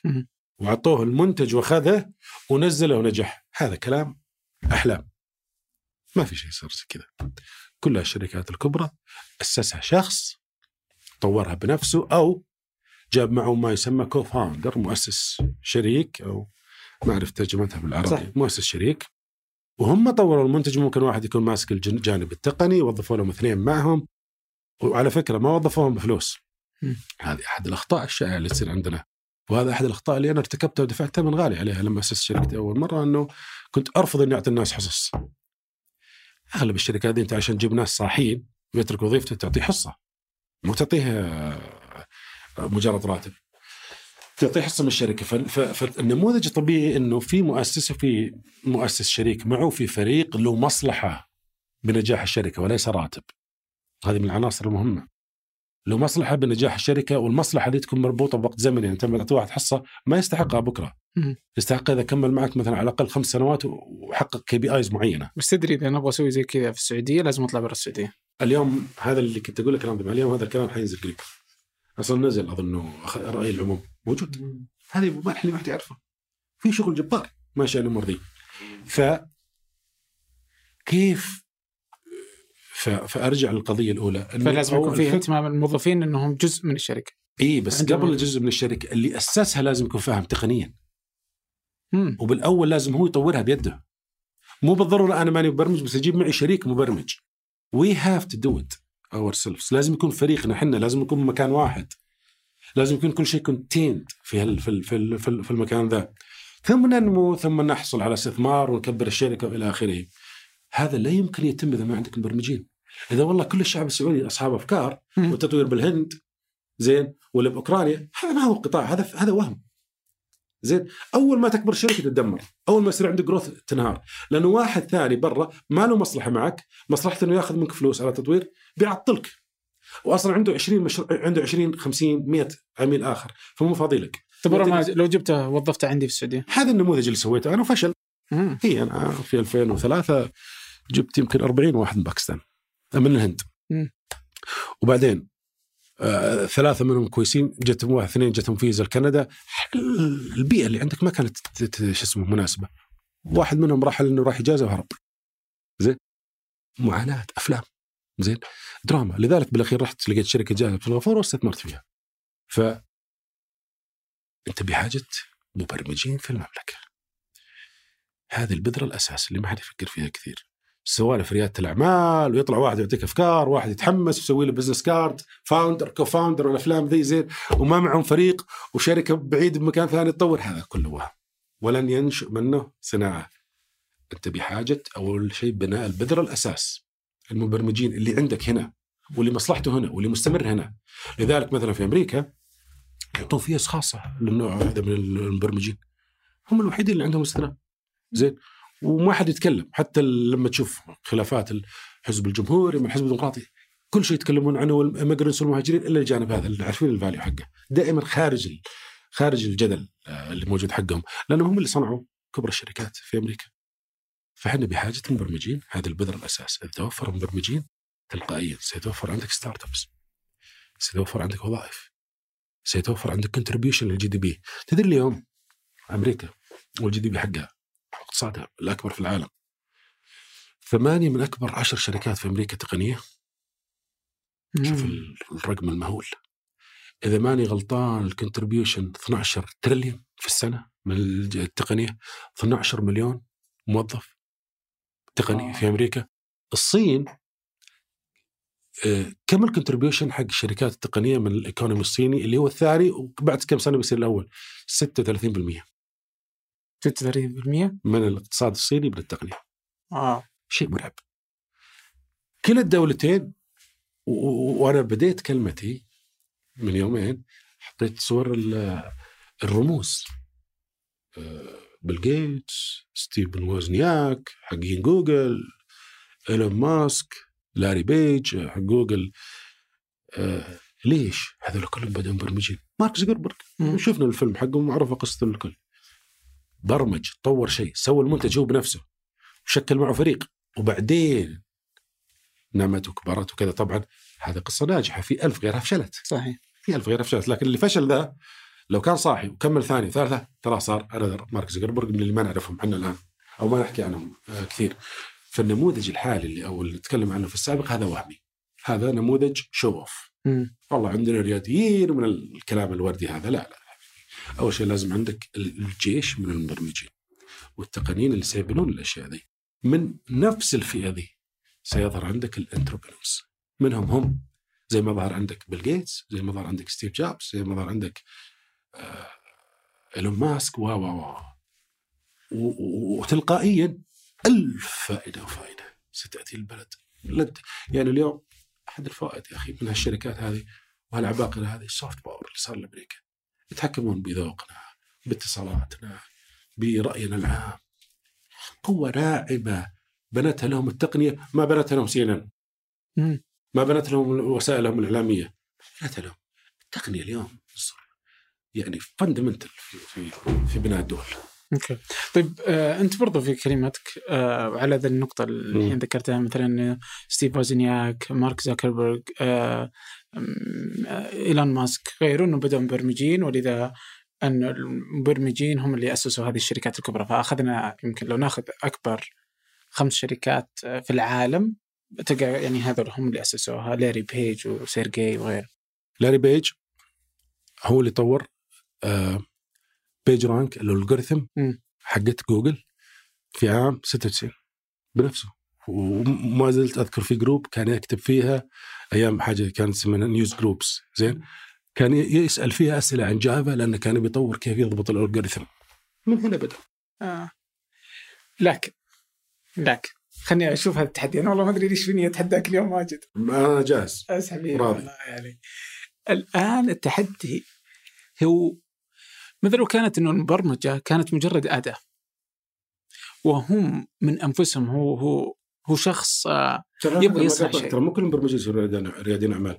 ريادين اعمال هم الاقليه اي الاستثناء اي فإذا البرمجة كانت مجرد إيلون ماسك ولا الغيرة. الفكرة من البرمجة حبك للمجال ذا رغبتك فيه اختلاف تميزك. يعني الناس اللي من النوع هذا ترى كلهم هم صغار كان يتهاوش مع أهله يبكي كل يوم عشان يشترون له كمبيوتر. ترى في صفات مشتركة بينهم مم. زين.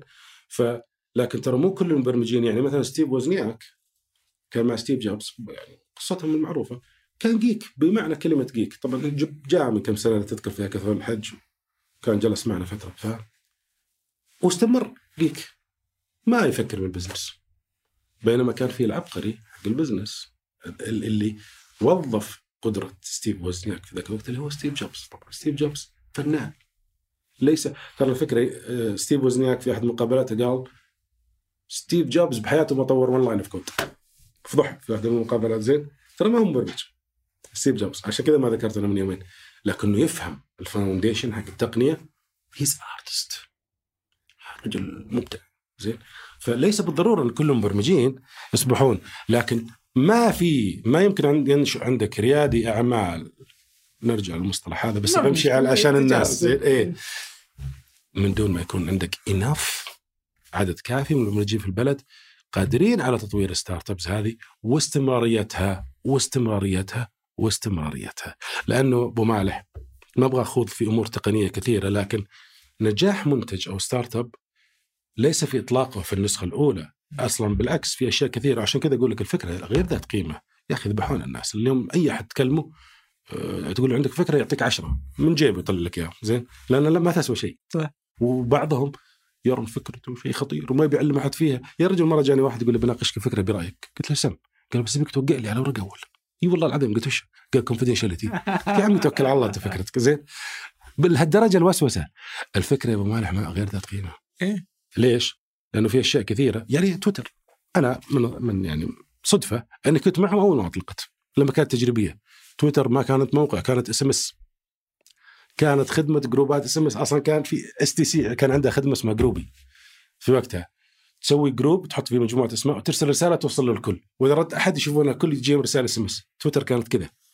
بعدين حولوها وصارت timeline و هذه كلها جت بعدين. أصلا الهاشتاج في تويتر من اللي اخترعه؟ المستخدمين. ما هو تويتر. لما انتشر ال platform وكذا في ناس قال لك يا أخي نبغى شيء مرجع. إذا في موضوع وال search حق تويتر كان أتوقع كان في South by Southwest طلعت الهاشتاج في فعالية كانت تقنية اي و- و- واحد واحد من المستخدمين هو اللي قال خلونا نحط آه، هاش قبل أي كلمة بعدين تويتر ادابتد فالفكرة ما هي ذات قيمة، المهم إنك تنزل وتستمر بالتحسين. وين التحدي أبو مالح؟ مين خلينا نمشي على كلمة الريادي، مين الريادي الحقيقي؟ هو اللي إذا نزل شيء عنده القدرة إنه يراقب الداتا. ناجح يكبره. ما هو ناجح يحاول مرة ثانية. ما ضبطت يغير الفكرة. هذا الحقيقي. يغيرها مرة ثانية، فشلت الثانية يغيرها الثالثه. زين ما يوقف. ما عنده الايموشنال تاتش إنه لا والله هذه لازم ننجحها. الناجح هو اللي يعرف متى يوقف ويغير ويستمر ويغير ويستمر ويحسن ويغير ويستمر ممكن أتكلم عنها هذه بكره اللي يسمونه iteration لين تصل للنموذج اللي يبونها الناس؟ لأنك أنت ما تعرف أصلا وش اللي يبونها الناس. أعطيك مثال حلو على ال A/B testing. في في واحدة من الدول اللي كنا ننزل فيها وكنا نبي نسوي هذا كان قديم 2009 كنا نبي نسوي آه، حملة إعلانية للخدمة. مع واحدة من الشركات الاتصالات قالوا أعطونا النموذج اللي تبون نرسله SMS وش آه، إيش تبون نكتب لمستخدمينا عشان يجربون الخدمة. أنا هذه ما كانت يعني فكرتي نبهوني سنغافوري شركائي وقتها قالوا طبعا إحنا النموذج العربي لا أريكم إلا ما أرى. زين فصغت الرسالة فقالوا لي يا أخي لا لا. شوف سالفة إنه في واحد عبقري وهو اللي يضع الشيء اللي ينجح هذا غلط. لازم نصيغ عشر رسائل. ونرسلها لمجموعات صغيرة. ونشوف وش أكثر واحدة عليها إقبال؟ بعدين نرسل البقية. إيه. أنا أقول لك يا لأن كان في interesting story وقتها. أنا موجود بالمكتب وكان في مجموعة من الموظفين. وقلت يا جماعة بالله الموضوع كذا كل واحد يألف لي رسالة من عنده. في واحد سكرتير كان. ما له لا في التسويق ولا ولا ولا ولا. قلنا له أنت عطنا رساله بعد. رسالتي أنا جابت 0.0.1 ال response rate اللي نسميه. رسائل البقية كلهم نص بالمية الأخ جاب 7% آه. طلع أذكى منا كلنا. الداتا هي اللي أثبتت الكلام هذا. زين؟ فثبتناها. ونجحت الحملة آه وعرفنا عنده موهبة هو هو أما كان يخجل إنه يتكلم عنها وما كان يعرف انها موجودة عنده أصلا. ف أنت تختبر وتجرب وتفشل أشياء وتنجح أشياء لين تصل لنموذج بعدين توسع وبعدين توسع وبعدين توسع وبعدين فعملية مستمرة. ما هي؟ مطعم و recipe جاهز وكل الناس تجيك كل يوم وتاكل ومبسوطة. لا لا. فإذا ما عندك مبرمج هم على الشركة وما يصرف عليها. data analyst و cyber security expert يحتاج كل الكفاءات هذه يكونوا موجودين عندك في مكتب واحد ويكون لهم مصلحة مو بس راتب. النموذج الراتب هذا أفشل نموذج في الشركات بس الشركة في بدايتها إذا كان startup فإذا بيغير كل شوي مصيبة. اي مصيبة. مصيبة. فعشان ي retain ال talents هذول تعطيهم حصص. بس طبعا إحنا لما نتكلم حصص في ناس تفهم غلط. وش يا أخي بوزع شركتي بعطي هذا 5% ما تعطي 5% تعطي shares أحيانا ال shares نسبتها ما تجي 0.2% مثلا. يعني مثلا من الأشياء الطريفة جوجل أول ما راحت IPO اكتتاب. باليوم الأول ألف موظف من جوجل صاروا مليونيريه اللي كانوا في جوجل لهم سبع سنوات. وماخذين shares صبروا صبروا صبروا. حتى اتذكر إنه كانت في قصة طريفة حقت الطباخ؟ إيه. هذه في جوجل إنه صار مليونير من ضمنهم وفي واحد رسم رسمة في فيسبوك بعد. من اللي ألف واحد صار مليونير في يوم واحد. آه. لأنه نجح الاكتتاب وهذول كلهم كان عندهم حصص بسيطة ترى اللي عنده 5000 share واللي عنده 10000 share. بس إنه التزم بالعقد حارب وقاتل من أجل إنه يشوف الشركة تنجح. فأنت لما تسوي النموذج ذا لما يجي ال weekend ما حد يقول لك أنت آه والله الساعة 5 بمشي أنا. لا هذه شركته. هذا راس ماله حلال هذا هذا مستقبله. يحارب يحارب يحارب يحارب لين الشركة أما تباع آه يعني ال exit استراتيجيه الخروج من الشركة تباع أو الشركة تروح اكتتاب. فبكلا الحالتين هو لو نجحت الشركة هي will get his return هيحصل على آه العائد اللي هو سنين يعني يقاتل من أجله. وهذه أحد المشاكل اللي عندنا هنا في السابق. يعني أذكر حوارات تصير. يعني في جهة حكومية كانوا بيسوون شركة. قلت يا جماعة أعطوهم استقبل اوبشن شركة الحكومة زين. يعني هذه الثقافة ما كانت موجودة. الآن قاعدة تتغير. طيب إذا أخذنا إنه على إنه الآن فهمنا أهمية المبرمجين وما مدى هم الأساس هم الأساس كل شيء ثاني يأتي تلقائيا ممتاز الآن علشان نحتاج مبرمجين إحنا نحتاج إنه عشان ننتج هذه الشركات وهذا الاقتصاد ونرفع من قيمته ونكون عندنا شركات برضو عبر القارات وغيره. بس الآن البرمجة يعني يعني أي أحد الآن يدرس في الجامعة هو يدرس عشان يبغى يتوظف أو يبغى يسوي شيء زي كذا.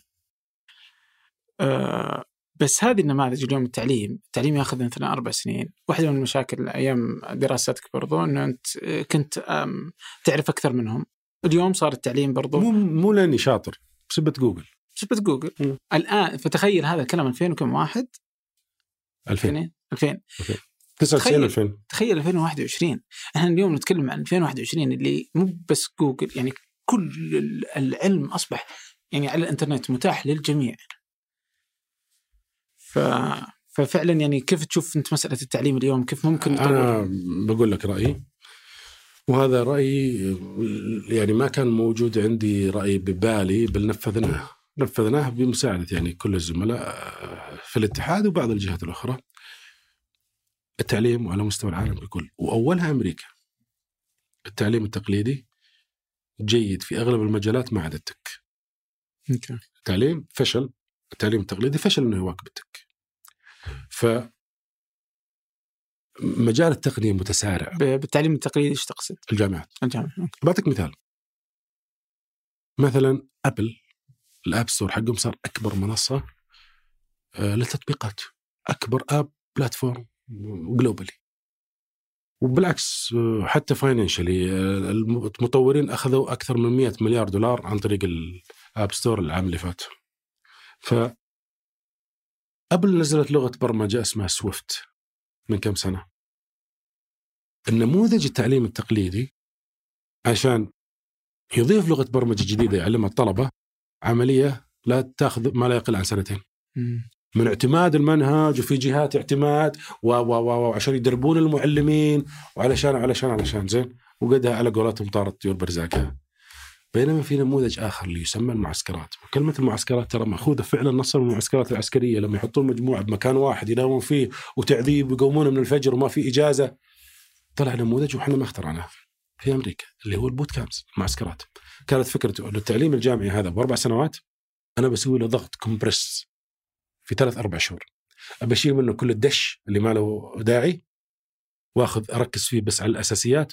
والطالب بدل ما يدرس عندي يوميا ست ساعات ثمان ساعات بخليه يدرس عشر ساعات.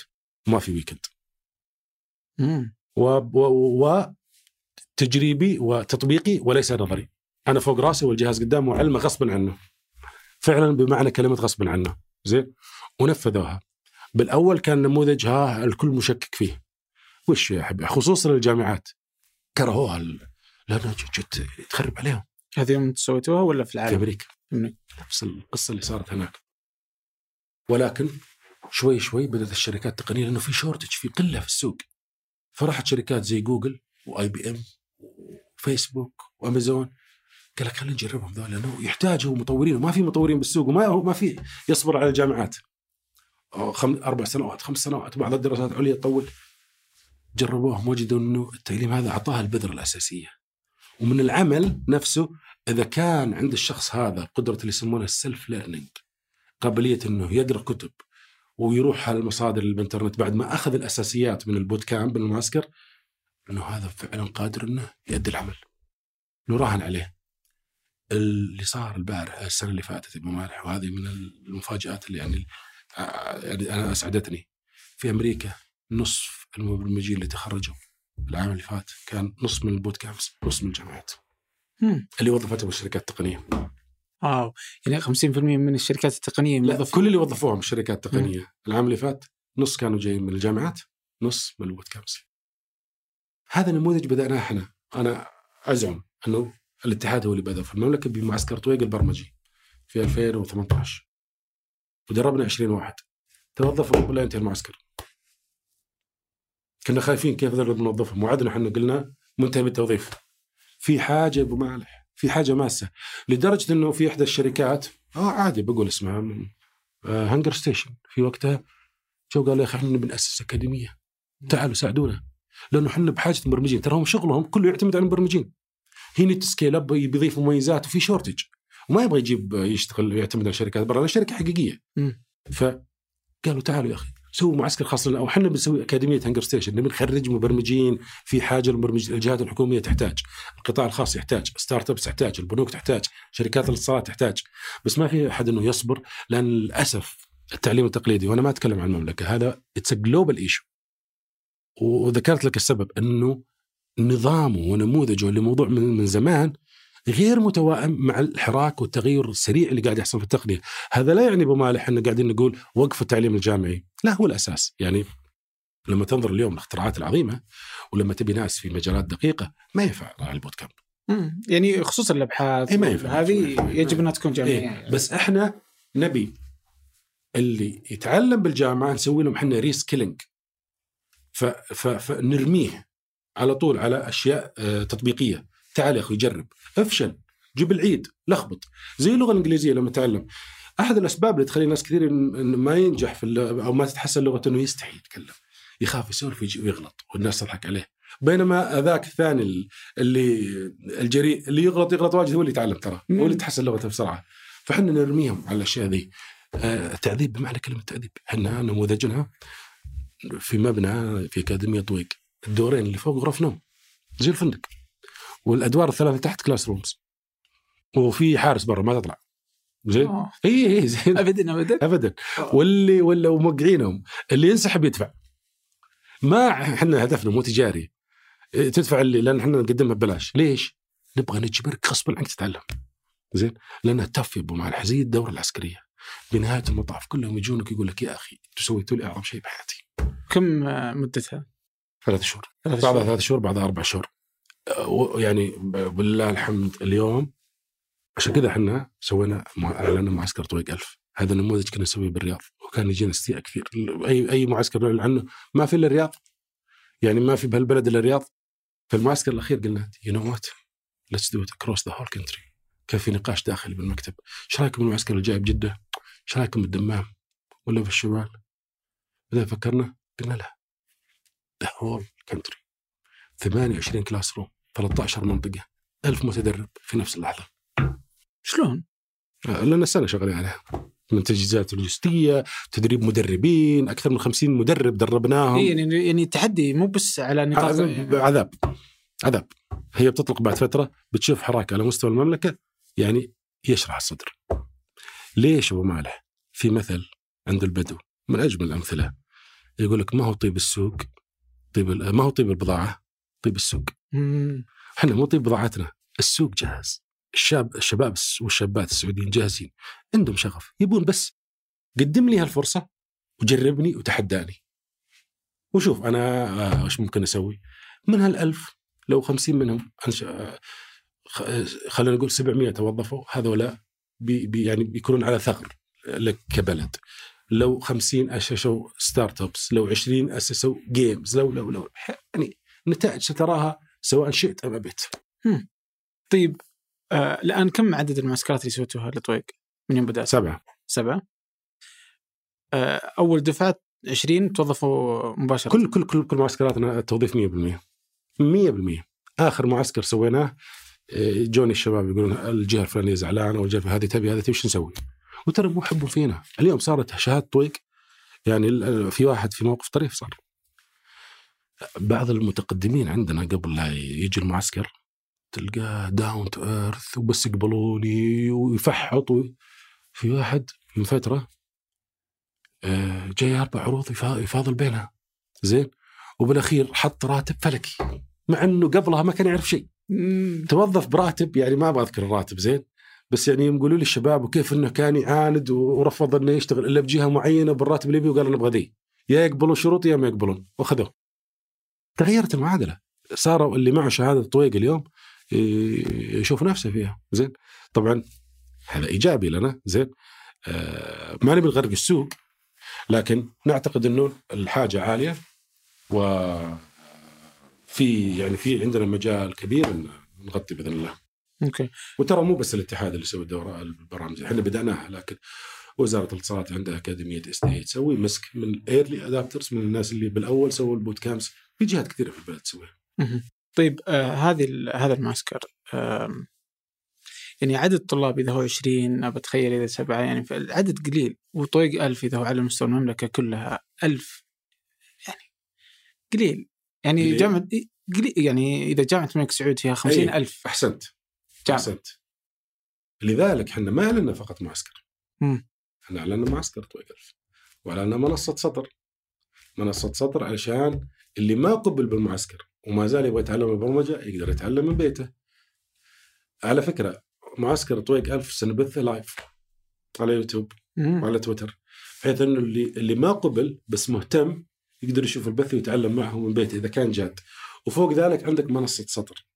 منصة سطر البارح أنا كتبت بتويتر إنها وصل عدد اللي سجلوا فيها 120 ألف قبل لا أجي من عندك هنا 150 ألف. ما شاء 150 ألف وين كانوا ذولا؟ قريت تغريدات بتويتر البارح. والله يا أخي من الأشياء اللي يعني اللي هي صنعه يومي. يعني في في في واحدة قريت لها تقول آه، بدال هالمناكفات بتويتر قررت وعندها عدد جيد يعني من المتابعين تقول قررت إني أبطل وأروح أركز وأتعلم شيء مفيد. كان في مشكلة. ما في شيء عربي اللي موجود أغلب غالبيته إنجليزي والعربي والإنجليزي بفلوس وغالي ترى ب 1500 دولار بالشهر يعني مبالغ سهلة. إحنا وفرناها لك بعربي ومجانا ومرتبطة ب ecosystem من المنصات الأخرى اللي أطلقناها كلها زي منصة ثانية اسمها CoderHub. آه هذه فيها تحديات تقنية. هذه منصة من أجمل الأشياء. إيش فكرتها؟ تجي أنت اليوم تقول أنا مبرمج شاطر ولا أنا خبير cyber security على عيني. ورينا قدراتك. تدخل بهالتحديات كل شيء تسويه بمنصاتنا المختلفة نعطيك عليه باج في كل شخص تقني له profile زي ال profile اللي في LinkedIn بس هذا مو أنت اللي تكتب. إحنا اللي نعطيك ال badges بناء على test سويتها. ومو كلها test online لأنك ممكن تغش. في بعضها لازم تجي عندنا المقر هنا. وتسوي ال test وإحنا واقفين فوق راسك بعدين تاخذ الباج فبكرة الجهات اللي بتوظف ما يحتاج ال interviews ال- يعني يعني في ميزة عندنا في المجال التقني إنه لما تقعد مع واحد تسوي معه مقابلة ما لازم تساله آه، وش ال weakness حقك؟ والاسئله ال- ال- الممله هذه. زين اللي سويناها حق ال HR عندنا حطه قدام الجهاز. يلا حبيبي وريني همتك. حل لي حل لي المعادلة ذي. زين. ف it's easier to find ال talents فمجموعة أشياء آه، بالإضافة لذلك قلنا طيب يعني سؤالك جوهري. هل ألف؟ طيب وعندنا المنصة وعلمت أكثر طيب واللي مهتم خلاص تعلم بس ما يبغى يشتغل موظف من هنا سوينا منصة إرباك. تلفزيونيه عشان ش- ليش سوينا منصة إرباك؟ لأنه بنوري التحديات الحقيقية اللي تمر فيها startups. هذه أبو مالح هي التدريب الحقيقي على العالم هذا، لأنك بتسمع قصص حقيقية وبتشوفهم في مكاتبهم، هذا اللي بتسويه ترى. هذا دورك أبو مالح، دور ثمانية زين؟ أبشر. أنك تبرزون القصص دي وتتعلم من تجربة تشوف شيء live ما تتعلمه بجامعات رياده الأعمال يعني هذاك كلام تنظيري زين. ف 50 عنصر حاولنا ترى على فكرة ما اطلقنا حتى كل المبادرات اللي عندنا. مم. نعم في أشياء شلناها. ليش؟ الوقت ما يكفي. وفي أشياء ما ما, ما نضجت بالشكل ان ننزلها. فالهمة عالية. آه، آه، رغبتنا بان نرى بلدنا الأفضل زي ما قال ياسر. يا أخي شفت كلمته بالأخير؟ أخي. تدري إنه ما علمنا عنها؟ يا أخي طيح قلبي والله. تدري إنها ارتجاليه اللي أقول الحين أحس هجت رجالية. معه ارتجالية. يا أخي أنا الولد هذا هذا الولد ما شاء الله. مجرم. ارتجالية. الله إحنا فعلا نؤمن. ما- مثل لك بهالدنيا بلد. و يعني الله يعين إنه تكون نقدم مساهمة لو بأصغر شكل نقدر عليه. يا رب. الله يقويكم. يعطيكم العافية. ومنها للاعلى وإن شاء الله نشوف برامج أكثر ونشوف طلبة أكثر يغيرون البلد ويضيفون للاقتصاد آه، الكثير ويخلون كلامنا هذا ما له قيمة بإذن الله. بإذن الله. آه بس آخر حاجة لأني أحس هذا طويق رهيب مرة بس ودي أعرف أصلا ن- ناس تقدم بدأ التقديم البارح آه، وش اللي يخلي يخلي الواحد ينقبل أصلا؟ آه خلينا نعلم وش سوينا إحنا. اول ما بدينا طول كان عندنا تحدي مشكلة. المشكلة كانت إنه يعني في أحد المعسكرات أعلناه وقدم علينا اظن وصل أول من ال- بالأيام الأولى المعسكرات 25000 ورطنا. هذول كيف نفلترهم؟ اي وانت تبغى 20 24 يعني في نكته طلعت عندنا إنه القبول في طويق أصعب من القبول في هارفرد ترى صحيح احصائيا ترى صحيح الكلام ده فايش كنا نسوي أول؟ نشوف آه، خبرته اللي كاتب عن نفسه ونتصل على بعضهم نسأله أسئلة سريعة بالتليفون بعدين نختار مثلا نفلترهم إلى ألف ونقابلهم شخصيا بعضهم نقابله اونلاين بعضهم يجي. الحين سوينا حركة أذكى. من هنا أسسنا كذا منصة ثانية بعضهم ما اعلنا عنها. نرسل لك منهج. مم. لكل اللي قدم. ونقول لك ادرسوا وحل المعادلات اللي بالأخير. عملية فلترة. هذا الهدف منها أبو مالح الجدية تحدي الجدية. لما يشوف مين اللي جاد في الموضوع. ما نبغى واحد جاي بس عشان إحنا اعلنا معنا 50 شريك توظيف. ف لا خلصت ذي. شوف من اللي حله طبعا بعضهم ممكن يكون غاش. حل لاحد ثاني. مو مشكلة. بس هي تنزل لك في رقم كبير يطير. اللي جاي مقدم أصلا هو مو داري آه، بس عبه. يحسبها وظيفة مثلا أو. ثم من ذولا نرسل لهم تست آخر. عنده عملية ضبطناها. لأنه هنا ميزة لما سألتني قبل شوي ليش البرنامج هذا كذا بالأول؟ يا ابو مالح هي مين اللي تنزل أول مرة؟ مم. هي على الاتريشن والتحسين المستمر اللي ما يتوقف. متى ما شعرت أنت إن اللي عندك ناضج وممتاز you failed أنت هنا جبت العيد. أنت لازم دائما تحسن دائما يعني ما بقول لك تجلد ذاتك بس دائما تقول عندي شيء ناقص وش أزيد وش أحسن وش أطور لأنه ما تنتهي عملية التطوير. ف ال test الثاني بعدين نفلترها إلى مجموعه هذول عاد نقابلهم. ف ف ف العملية كانت صعبة جدا بالأول كل ما لها تسهل علينا كل ما لها تتأتمت أكثر عن طريق وسائل و tools قاعدين نطورها.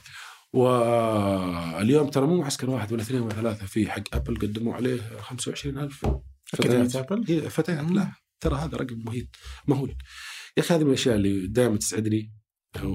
وسألوني كم واحد قالوا ليش السعودية طيب؟ من اللي حضروا الأجانب اللي في ال event. في شغلة يندر يتكلم عنها هذا يقول لك سوء التسويق عندنا على أنفسنا. تخيل وهذا شيء أنا عشته في الشرق وفي الغرب. في تحدي كبير إنك تجد نساء يدخلون عالم التقنية. بالغالب تلقاهم مصممات مثلا.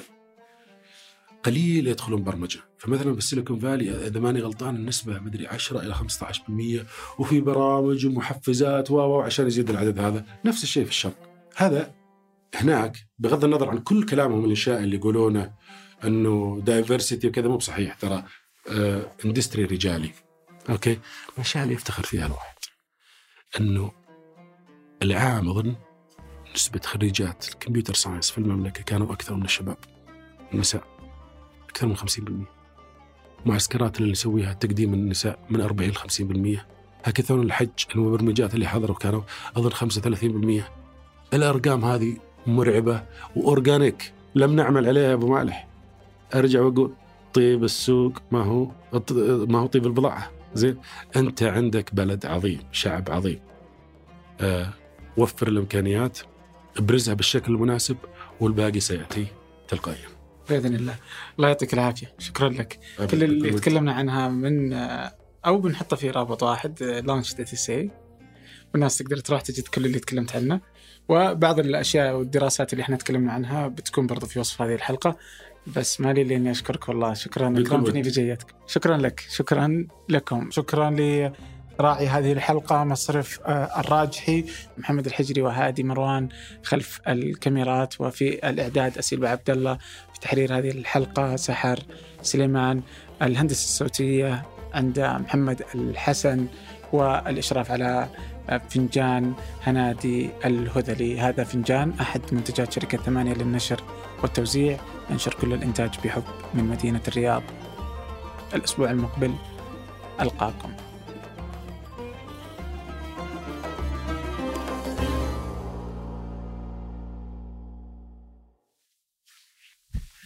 إيش رأيك بالله في الكونتينيوتي شوف الحين رجعت الميكروفون. Hey. Eh.